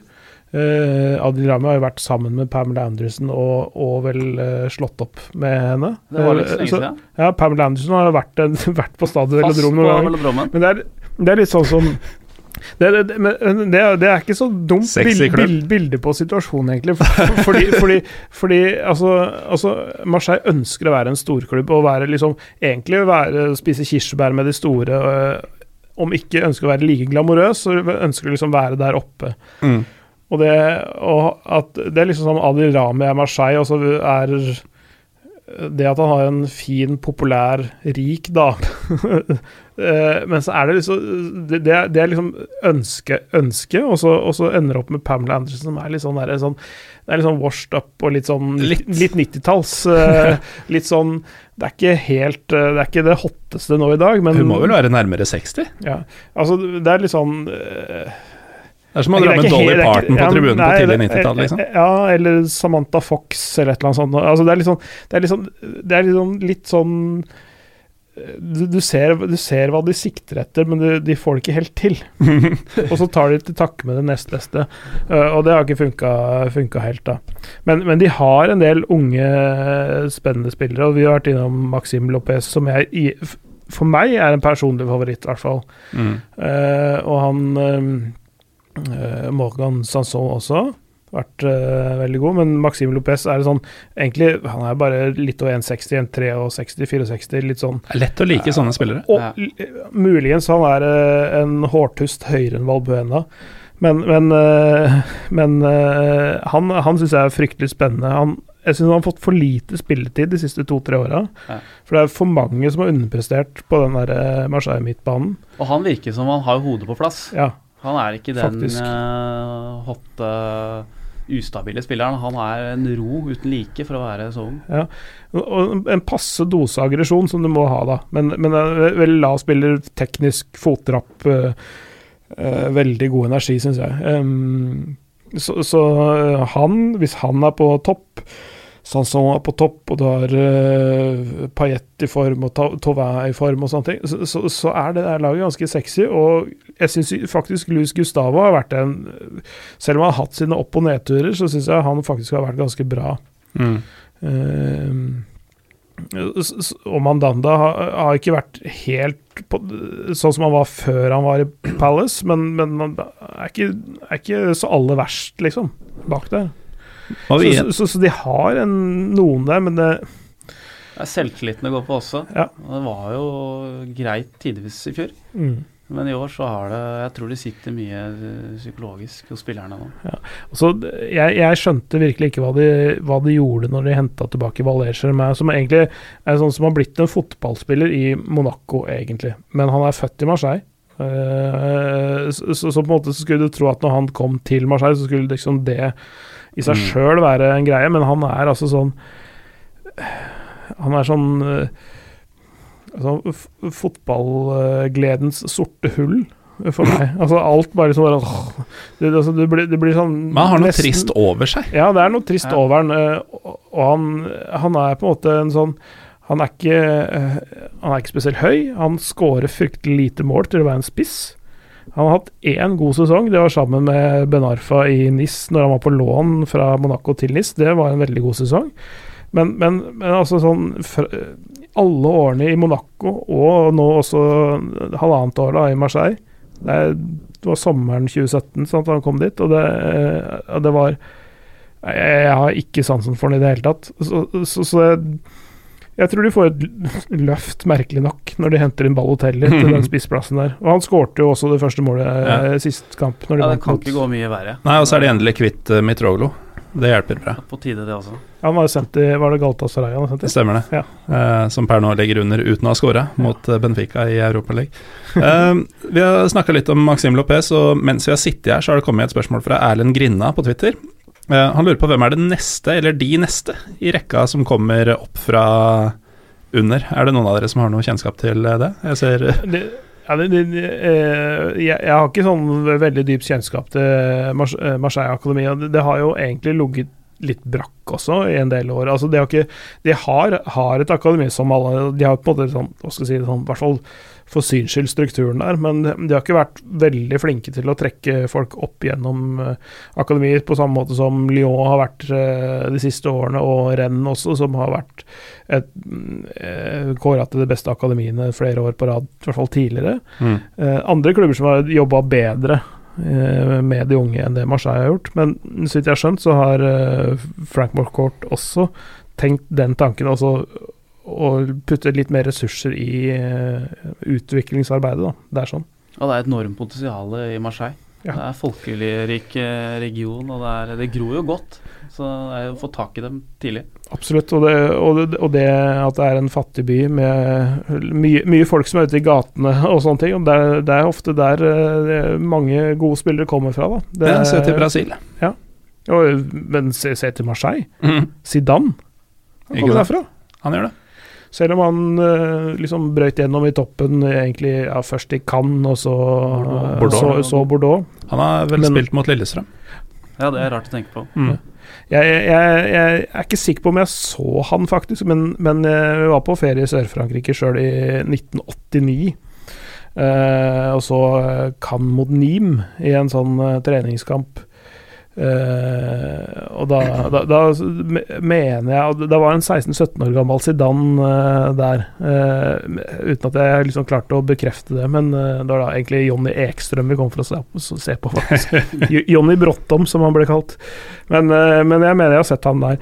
Han ble jo Han starta jo karrieren sin Zidane der med å et litt sånn gategutt eh, im, altså Ikke bare image, men han hadde faktisk sånn en oppførsel og en mentalitet som en gategutt, hvor han fikk kritikk fra en trener. og Klinka han rett ned. Han var 16 år. Han holdt jo imaget som en litt sånn annerledes type lenge. Mm. Han vant jo VM uh, som eh, en venneløs type, og Ja, altså, så- Som sagt, han, han klinka ned treneren sin som 16-åring, 16 og avsluttet karrieren med å skalle ned Materazzi i en VM-finale. Mm. Det, men det også er litt sånn det, der, har du, der har du Marseille som kom fram med gutten når, når Materazzi liksom pirka i de riktige sårene. da. mm. Det er en av veggene i Marseille eh, pryder jo Zidane i Mm. dag. Mm. Så det viser jo at han har en eh, stor plass i byen. Og det viser at det går an. Han er andre generasjons innvandrer, og viser at det går an for de å, å Klart. komme seg oppover. Mm. Så han er jo viktig symbolsk sett da, for byen. Definitivt. Uh, og da, da, Nå har vi snakka en del om uh, den sportslige situasjonen per nå, og forhåpentligvis da dekka uh, både det Bjørn Brun Olsen og Nico Bryn har lurt på. Eh, du som nøytral virker som en nøktern optimist på vegne av Marseille sportslig, Pål Thomas, men Det, det, er lett å treffe med en sånn spådom i og med at du veit at det svinger opp og ned.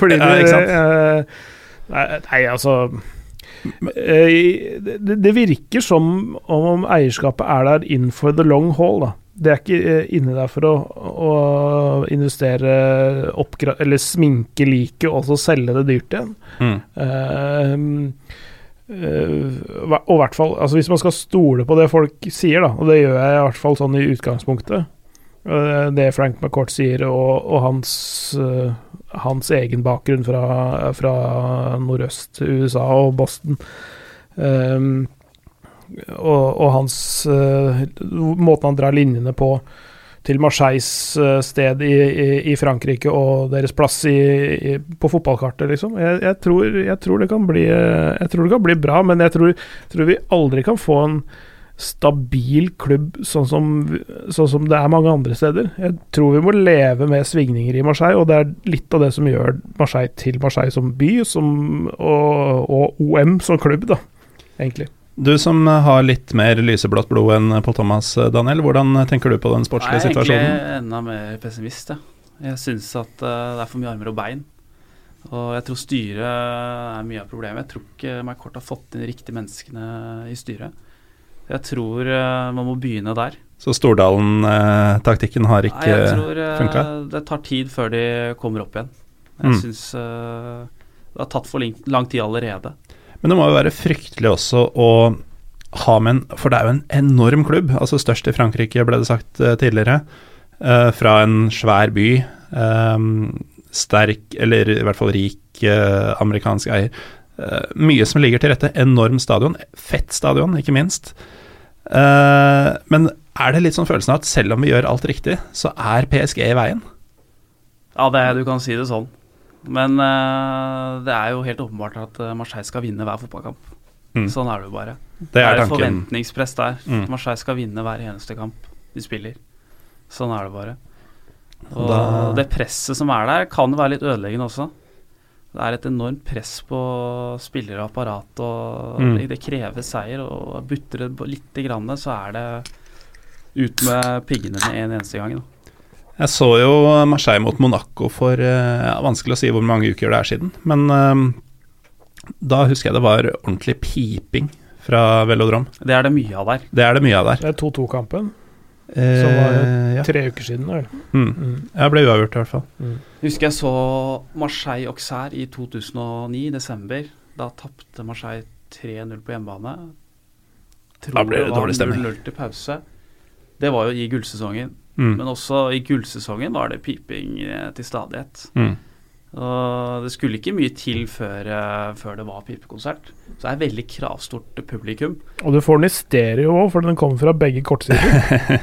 Altså, Ja, den- for den, den er, ultrasene er med på pipinga. Det er De ikke er bare som plassert også. Nei, det er, det er eh, først og fremst der den kommer fra. Mm. Eh, sånn, I hvert fall den, den høy, mest høylytte aggresjonen kommer jo derfra. Så det Ja, er riktig. ikke Så- support uh, konstant. Det er det ikke. Nei. Ja, den, jeg, jeg, tror de, for- de forventer i hvert fall en, en ærlig innsats. Og det er, sånn, det er litt sånn fordi de er litt sånn nedpå folk sjøl, sånn som Altså den klassiske på gulvet eh, folk eh, egentlig som går på kamper der. Og de, Mm. de, de, de forventer i hvert fall at du gjør et ærlig stykke arbeid, og hvis du, du må i hvert fall prøve.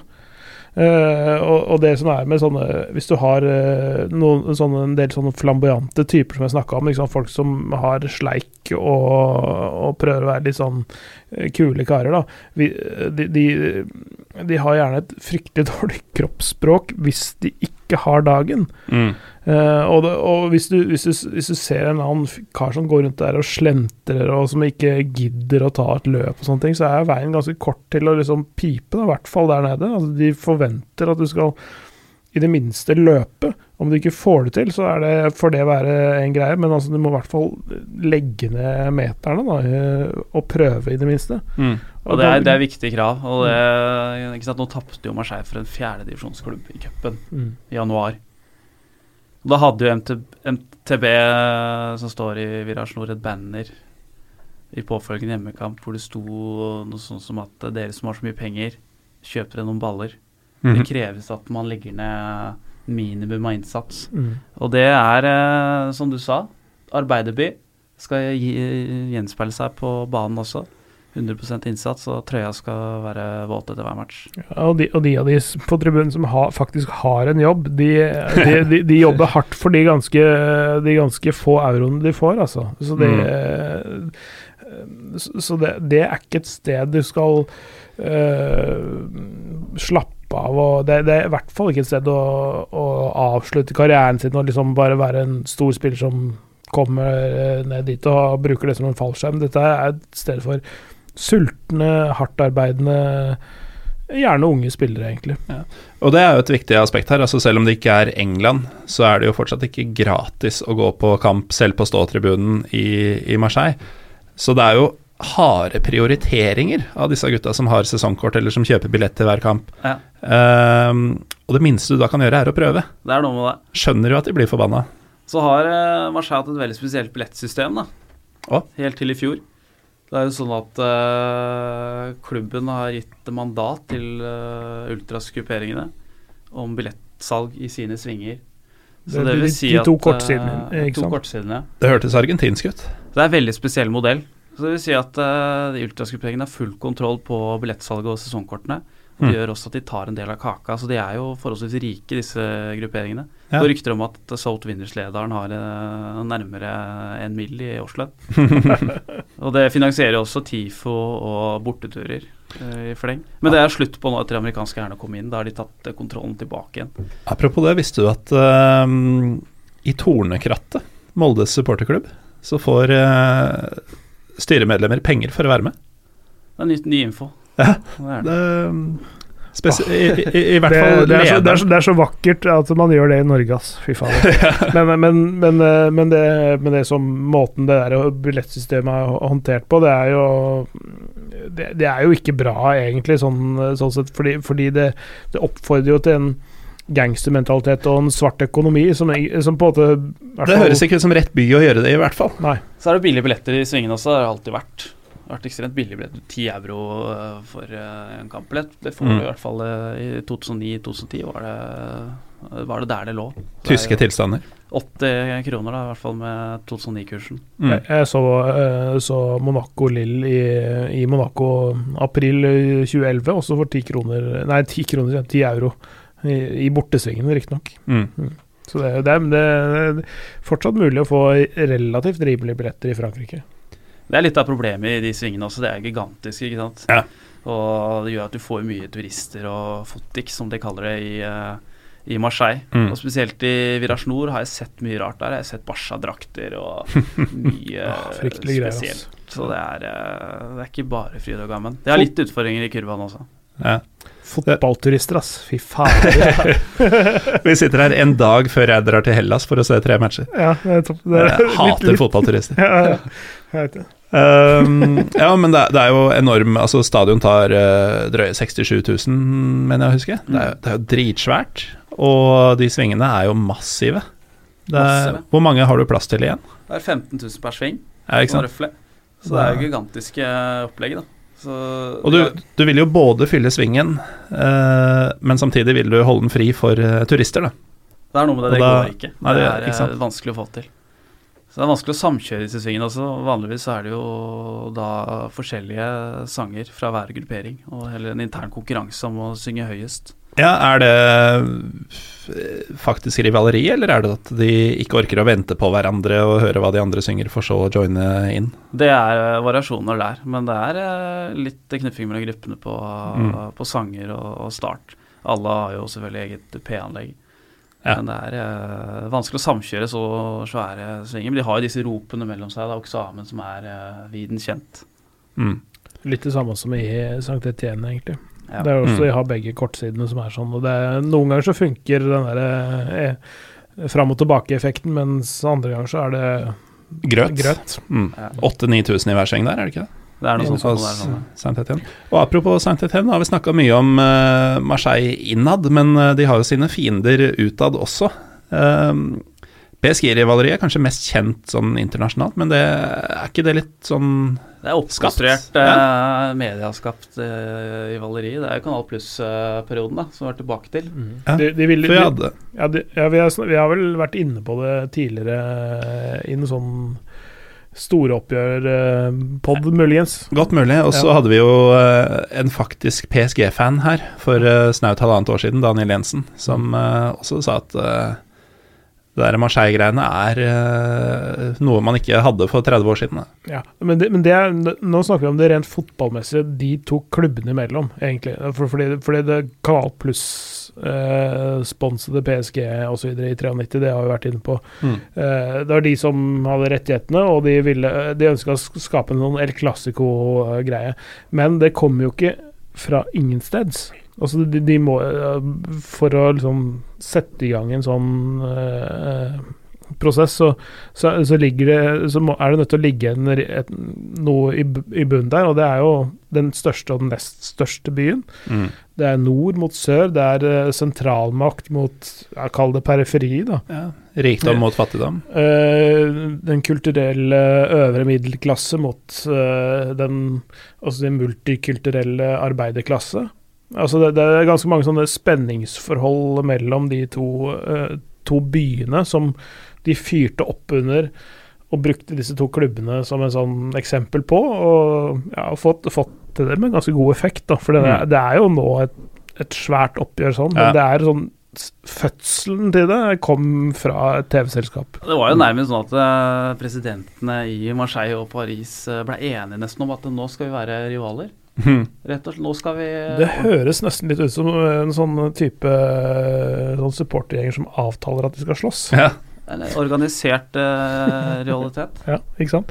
Det er, det, det er litt sånn Den, den er, det er en, den, den, fikk, den fikk litt fødselshjelp, den uh, greia der. Så har litt med Mm. at eh, de historiske rivalene til Marseille, da, som var Saint-Étienne og Bordeaux, de Mm. var gode sportslige lag på 70- og 80-tallet.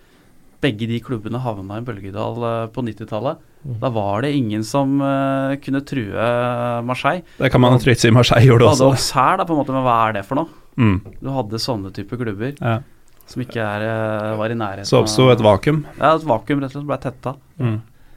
Men eh, ja, du sier at det er um, Saint-Étienne og Bordeaux som er de historiske rivalene. Det er de historiske rivalene. Eh, 70-tallet med Sankt Idén som storklubben i Frankrike. For det var et par sesonger rundt årtusenskiftet hvor eh, gullstriden var mellom eh, Marseille og Bordeaux. Litt sånn gufs fra fortiden, kanskje. Det var Eh, litt gufs fra fortiden. Det husker jeg veldig godt, for jeg var tenåring, og i tenårene så skulle jeg ha ett lag i hver liga. eh, Som jeg liksom holdt med. Fulgte med på tekst-TV fra uke til uke i de forskjellige. Gikk gjennom alle ligaene for å se om mitt lag hadde vunnet. Eh, mitt var da Bordeaux. Eh, og jeg tror det var fordi det var de første jeg hørte om, i og med at de møtte Lillestrøm noen år i forveien og sånn. Eh, så, så jeg var veldig anti-Marseille selv, uten å vite hva Marseille var. Eh, det har jo gått over, uh, for å si det pent. Men eh, Bordeaux er egentlig en eh, Hvis vi skal være litt småstygge med det, eh, en by uten fotball eh, Noe særlig fotballtradisjoner, egentlig. Fordi det er mest klubben har jo Klubben har sportslige bra. tradisjoner. Ja, absolutt, men det er jo Det er rugby som teller i den regionen der. Egentlig både der og Toulouse. Mm. Det er stort. Det Ja, er det. ja, det det er stort der, og det, og det er større enn fotball, mm. egentlig. Ja, og det glemmer man kanskje um, ofte når man snakker om uh, Frankrike. Men Marseille-Lyon er jo et oppgjør som blir større og større. Uh, Ja. Mer realitet for hvert år, syns jeg. Men det er er- mange som sier at det nesten tar over for uh, Derby hvert. eh, Choc Classique. des Olympiques. Ja, sjokk, de, det No, no, noe sånt? Ja. Olympico blir det kalt nå. ja. Men uh, er, er det noe som har vokst fram organisk? Det har vokst fram det siste Ja, Lyon hadde jo de sju strake seriemesterskapene da, fra 2002 utover. Og da bygde det seg opp eh, egentlig for hele fotball-Frankrike at Lyon er hovedfienden. Og det er egentlig blitt tatt vare på og videreformidla nå utover. Det er den tredje tredje største byen, ikke sant. Så det, er, eh, det er st store byer, og, og det er midt i landet, eller midt og langt øst, da. Og De også har høyreorienterte supportere, sånn som er kontrast igjen til Marseille. Da. Så det er Mm. litt å spille på der også. Vi hadde jo en uh, preview til uh, Europaligafinalen i fjor, Pål Thomas, mm. hvor jeg betimelig reiste spørsmålet da finalen skulle gå på Parc OL i Lyon. Eh, hvor skulle Marseille-fansen stå? Skulle de virkelig få i eh, tribunen til Lyon-supporterne? Det var eh, verken du eller eh, Magnar Kvalvik spesielt opptatt av å finne ut av, men eh, har du noe på det, Daniel? Hvor endte de opp med å stå? Ble det noe vandalisme? Vet ikke om de, det, ble, det ble det. De fikk jo masse krav etter seg. De Ja. måtte jo betale Store bøter. store bøter både til Uefa og til Lyon, faktisk. Mm.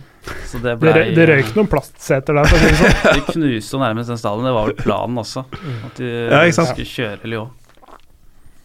Nydelig. Men uh, Saint igjen, da? Uh, de er fortsatt Frankrikes mestvinnende klubb, er det ikke det, Pål Ja, det er ti seriemesterskap. Marseille har ni.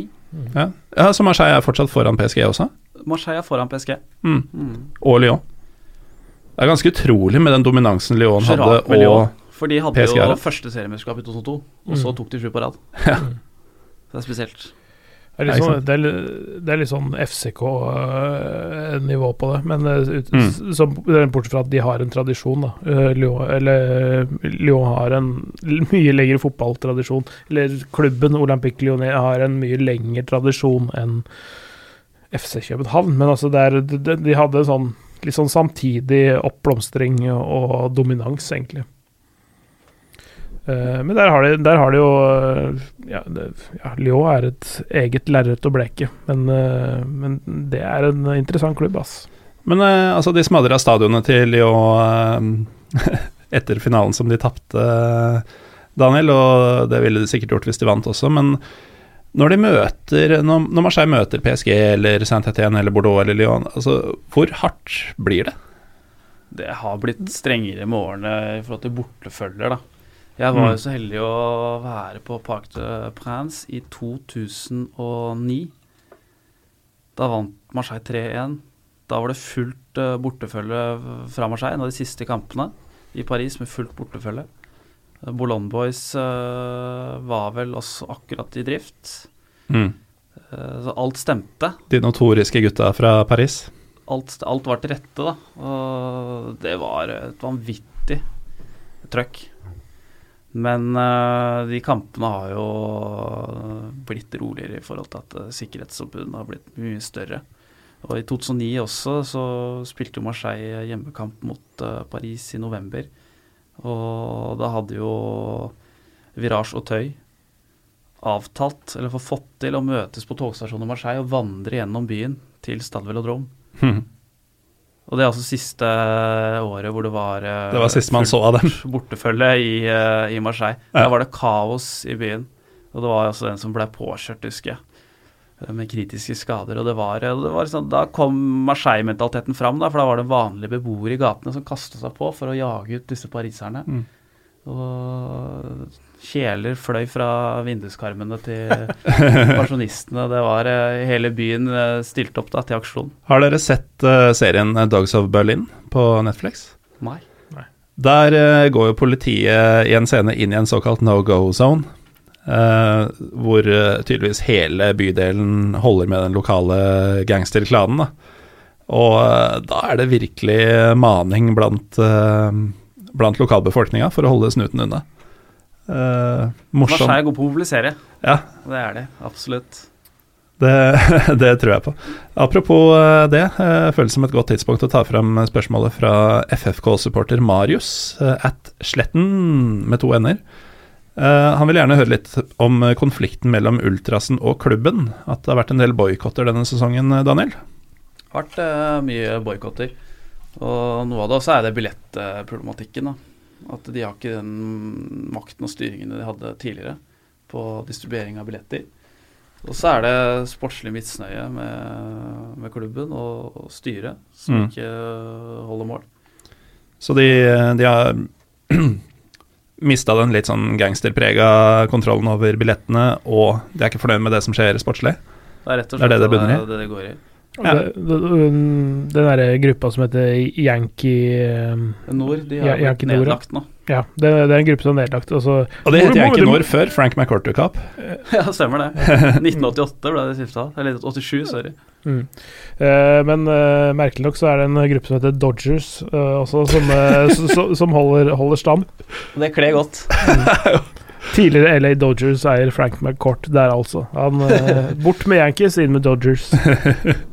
Det er jo helt nydelig. og, og, altså da, Yankees er jo da altså Det er jo en søk sammenligning, men det er jo da baseballaget i New York, et sted som han hater fordi han er fra Boston sjøl. Selvsagt. Er det tilfeldig? Det, ja, det, Det er jo litt for godt det- til å være det- sant der. Det er i hvert fall Det det gir i hvert fall en grobunn for noen konspirasjonsteorier. Um, vi um, Altså, du, du nevnte denne påkjørselen. Uh, Er det sånn at folk har dødd når Marseille har møtt uh, Jeg vet Store ikke om rivaler? dødsfall. Det vet jeg ikke om. Eh, Det, det kan jo ha skjedd. Men jeg kommer ikke på noen noe dødsfall. Nei, men det, det kan tydeligvis gå for seg Det går i for seg. Det har det vært mange eksempler på. Det var jo mer voldelig på 90-tallet også enn det, det er nå, da. Mm. Uh, Magnus Borgen var jo en tidlig gjest i, uh, i Pyro og Pivo. Han uh, skrev jo en bok om, eh, om hatoppgjør. Eh, og har da bl.a. vært i, i Marseille um, for noen år tilbake. Han skriver i en tweet uh, hvordan er status på supportereffekter om dagen? For da han reiste rundt på 17 hatoppgjør i 17 land for noen år tilbake, var OM i vidunderlige Marseille helt klart den gang verdens råeste klubb på mengde utvalg og kreativitet. Han sier annet at det, fant et, det fantes et tisselaken som små barn kunne ha i senga, med logo og det var tabu på. Og Det syns jeg er ganske absurd, at du legger til rette for at barn skal pisse på din egen logo, men uh, Ja, der er jo markedsavdelingen til Marseille sterke, da. Ja, Kreativiteten der. åpenbart. Og de har jo fanshopper overalt. De har til og med en egen fanshop i uh, Algerie. I Alger. Det er kanskje minst overraskende. Ganske trolig Offisiell eh, fanshop der. Men uh, de effektene som finnes, er jo ufattelige. Det er De har tenkt på alt mulig. Ja, det, er, det er for eh, omtrent alle livsfaser, for å si det, for å si litt uh, For det tisselakenet kan du dra fram igjen når du selv har blitt gammel. Ja, ikke sant. Sånn Eller er full. når- man begynner å miste litt kontrollen på det som skjer der. Mm. Uh, jeg, jeg gikk inn på hjemmesida deres i dag bare sånn for å Nettopp fordi jeg så den, så den tweeten. Det, det er, på den offisielle hjemmesida og butikken der, så var det ikke sånn det- Du har jo smokker og smekker og alt sånt så til babyer og litt sånn diverse klær og sånne ting, men litt sånn pussig altså, altså PlayStation-kontroller, gamer-headsets og alt mulig rart i farger og, og, og lover og sånne ting. Men det var sånn Dette er ikke noe veldig veldig morsomt, men, men det var en sånn en, koff, en koffert, en lyseblå koffert, som, som har en vinylspiller i, altså en vinylplatespiller, med sånn svær logo inni lokk og liksom alt sånn handler om seg. Men hvis, jeg tenker at hvis du skal ha en, eh, en vinylplatespiller, så kjøper du ikke den der litt billige kofferten fra fanshoppen til eh, til Marseille, men eh, så, så det er jo ganske sånn ubrukelig produkt, da. det er mye ubrukelig i den shoppen. Solgte Ja. noen juletrær et år også. Ja, ja det, det, det som faktisk, faktisk eh, var eh, Som faktisk jeg så der i dag, det var en sånn, sånn type ugly Christmas sweater i lyseblått med reinsdyr og hele pakka, som faktisk Og en OM-logo, da, som, som faktisk ikke var- Den er i hvert fall ikke så mye verre enn alle andre ugly Christmas sweaters, da. Nei, Det ligger vel litt i navnet Ugly Christmas Sweaters. Mm. Du, er, du er mer sånn ultraskulpturtype, Daniel, og følgelig kanskje ikke en som har skapet fullt av offisielle supporterting, men hva er det sprøeste Marseille-klenodie du tok med deg hjem? Jeg har vel ikke noe sprøtt, men eh, jeg husker jeg eh, hadde en eh, gammel Nokia som slo seg vrang, så jeg måtte kjøpe en klokke, en Marseille-klokke, en gang. På La Canabier, hovedgata i Marseille. Og det var en sånn liten, vanntett gummiklokke. Den har jeg faktisk eh, liggende hjemme ennå. Men det er vel det mest sprø jeg har tatt med meg hjem i bagasjen, tror jeg. Jeg, jeg trodde du skulle si et eller annet med at øh, den telefonen, den gamle Nokiaen, den tunge telefonen, var noe du hadde fått i huet fra motstanderfansen eller et eller annet sånt. ja. Altså sånn type Sånn som vi kjenner fra Tyrkia. Ja, Det hadde vært litt mer spennende. Så tar du den bare med deg til klubbsjappa, kjøper et dekkskill med fargene på, og så setter inn SIM-kortet ditt. Veldig sant. Men da, boys, er vi over på siste del av eh, agendaen. Og det er egentlig din eh, tur til å skinne, Daniel. Eh, vi vil jo gjerne høre litt historier fra tida i Marseille, og gjerne litt insiderstips insiders tips til eh, folk som, som meg, blant annet, som har tenkt å dra dit en eller annen gang. Jeg må jo bare si eh, at det er en by man må besøke. Det er eh, lett å bli glad i byen. Og da jeg bodde der, så ble jeg også, kom jeg veldig overraskende fort inn i vanene til de lokale menneskene. Hva slags vaner har de? Men eh, det, er, eh, det er egentlig et eh, ganske sånn avslappet folkeslag. Men det er for meg at de er veldig sånn kaffedrikkende. Veldig kaffedrikkende. De liker å være ute. De er nesten ikke inne i leilighetene sine. Alt foregår ute på gata. Så Derfor er de ikke så opptatt av å, å pusse opp og ha det fint hjemme. For Mm. det er jo nesten aldri der. Men øh, lunsjen er viktig for franskmenn, og også i Marseille. Og så er det obligatorisk øh, handling på torgene. Fiskemarkedet er jo noe å oppleve hvis man reiser dit en gang. Det starter klokka åtte og varer til rundt tolv. Fantastisk uh, fiskemarked. Åtte Midt i til tolv på formiddagen. På formiddagen, ja. Så du må uh, bruke av pausen din hvis du, hvis du faktisk har jobb. Da. Det er kanskje ikke et stort problem i Ikke noe stort problem der nede. Der eh, sysselsetter man seg selv. Og det er Ja. jo bilverksteder rundt hvert gatehjørne. Folk som holder på med litt hobbyvirksomhet. Mm. Og frisører og mye. Hobbyvirksomhet i sånne hermetegn, hermetegner. Det, Det er- det, er, det, er, det er sånn multifasetterte bedrifter, det der. Eh, Det ene markedet hvor de selger frukt, da, det er i Noai. Det er, ganske, det er ikke så langt fra togstasjonen. Der har du eget sånn svartebørsmarked for sigaretter. Det er ganske, også, ganske utrolig. Selger Malbro Light eh, til reduserte priser. altså, svartebørsmarked. Er, er det sånn at det er sigarettørk i butikkene? Det er uh, smuglergods fra Magreb-landa. Riktig, riktig, riktig. Så det er litt hardt. Men, men hva er det de spiser til lunsj? Du sier lunsjen er viktig. Hva er det de spiser til lunsj i Marseille? som- Bra, Paul Thomas.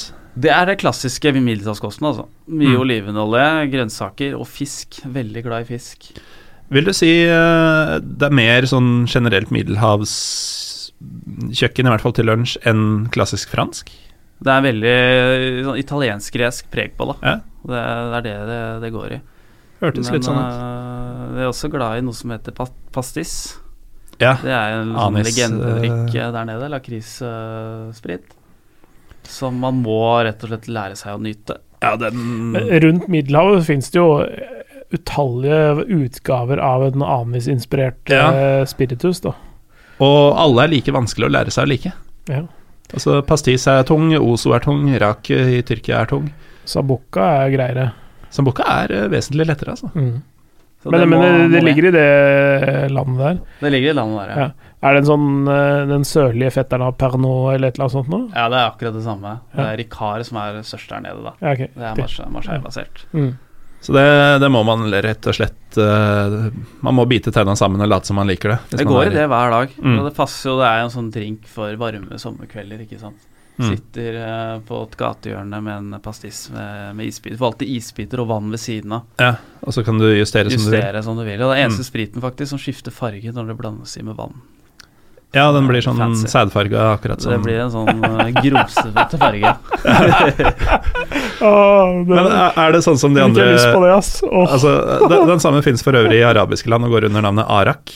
Arak, Uh, så arak, raku, um, pastis, ozo eh, Kjært barn, eller ikke spesielt kjært barn eh, for min del.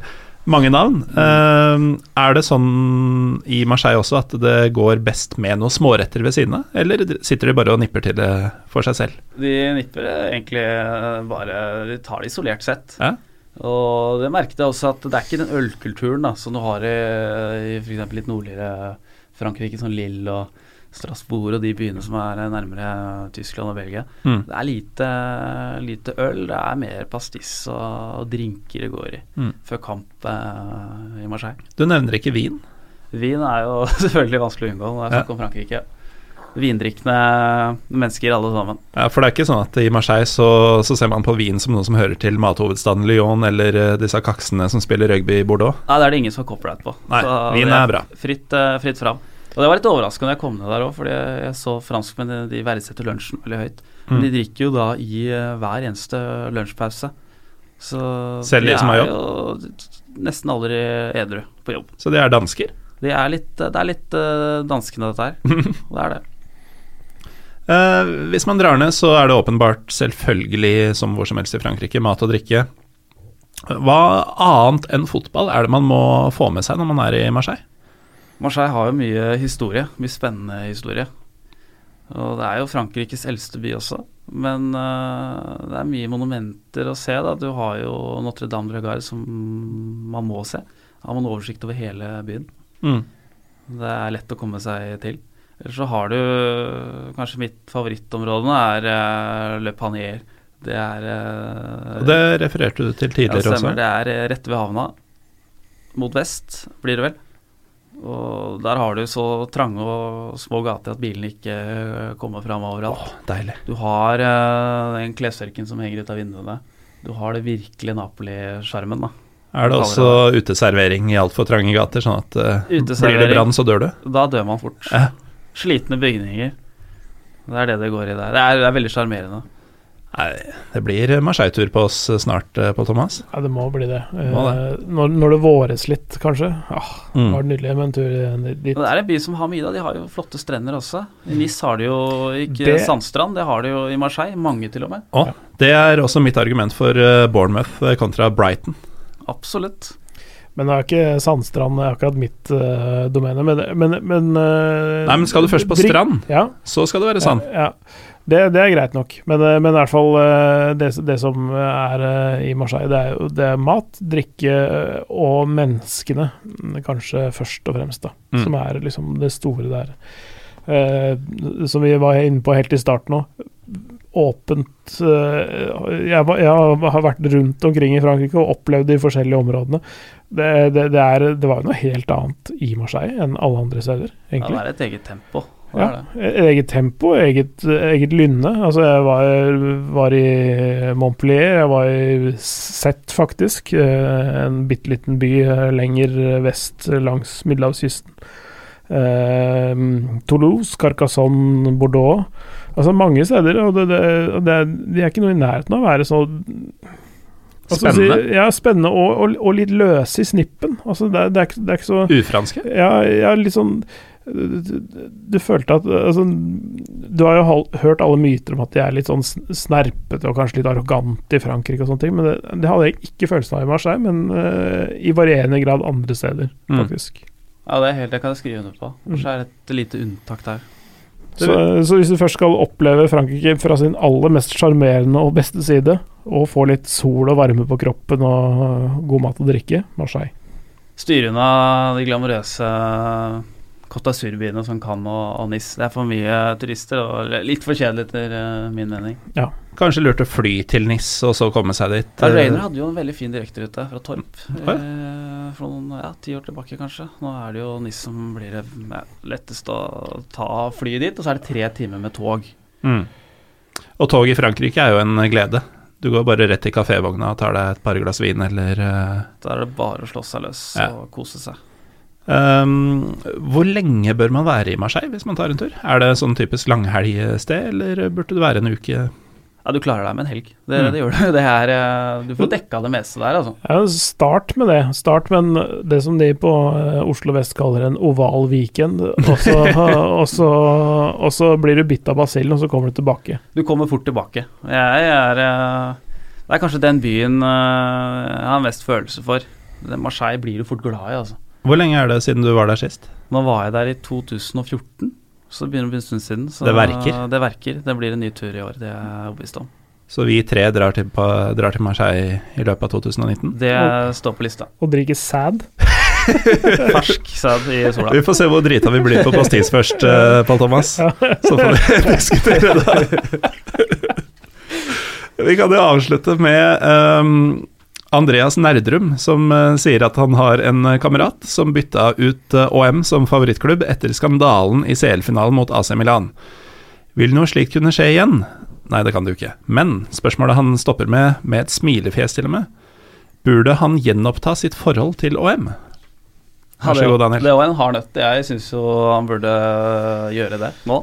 Ja. Men jeg skjønner jo også argumentet hans hvorfor eh, kameraten hans skifta lag. For det var en stor skuffelse, da. Ja, det, det, det skuffa mange, og det var sånn Vi har vært inne på kanskje litt sånn skal vi si tilpasningsdyktig moral i, i den byen der. Sånn at de kan spise De kan svelge noen kameler, men akkurat det der var ganske stygt.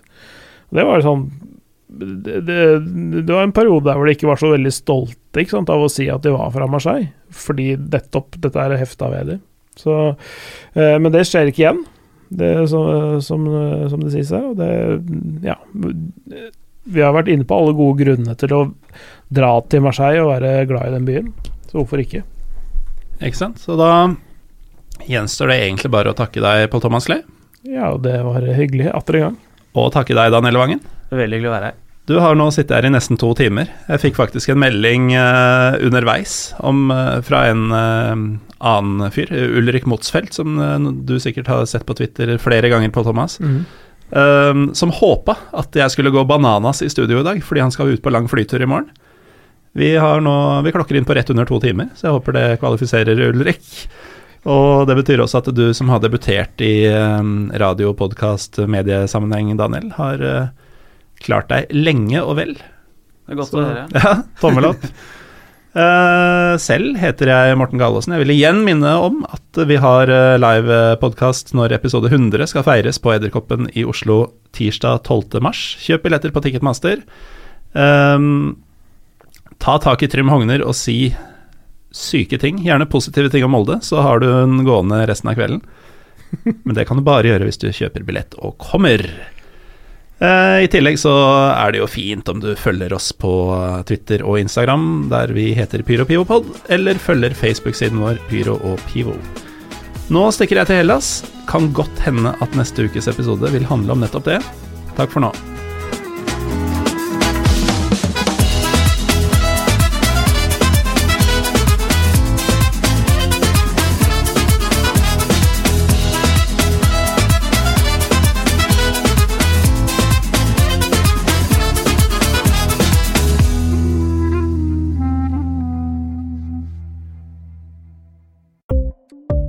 Ukens annonsør er HelloFresh. HelloFresh er verdens ledende matkasseleverandør og kan være redningen i en travel hverdag. Mange av oss har nok vandret i butikken både sultne og uten en plan for middagen, som ender med at vi går for de samme kjedelige rettene gang på gang. Middag burde være dagens høydepunkt. Som HelloFresh kan du nå velge mellom 25 ulike retter hver eneste uke, eller få HelloFresh til å sette sammen menyen for deg. Dette gir deg muligheten til å prøve nye og spennende retter alene eller sammen med familien. Du velger antall porsjoner og får alt levert på døren på et tidspunkt som passer for deg. Oppskriftene er enkle, og maten er lett å lage både for store og for små. Ved å få alt levert hjem får du også mer tid til å dele matgleden med familie og venner. Kanskje det frister med asiatiske tacos eller greskinspirert kylling? Da kan jeg anbefale deg om å gå inn på hellofresh.no. Her kan du bruke koden FOTBALL og få opptil 1779 kroner i rabatt på de første fem matkastene hvis du ikke har prøvd Hello Fresh tidligere. Du kan også bruke rabatten hvis du har vært kunde og stoppet abonnementet ditt for tolv måneder siden eller lengre. Gå inn på hellofresh.no og bruk koden FOTBALL. Har du et enkeltpersonforetak eller en liten bedrift? Da er du sikkert lei av å høre meg snakke om hvor enkelt det er med kvitteringer og bilag i fiken, så vi eh, gir oss her, vi. Fordi vi liker enkelt. Fiken superenkelt regnskap.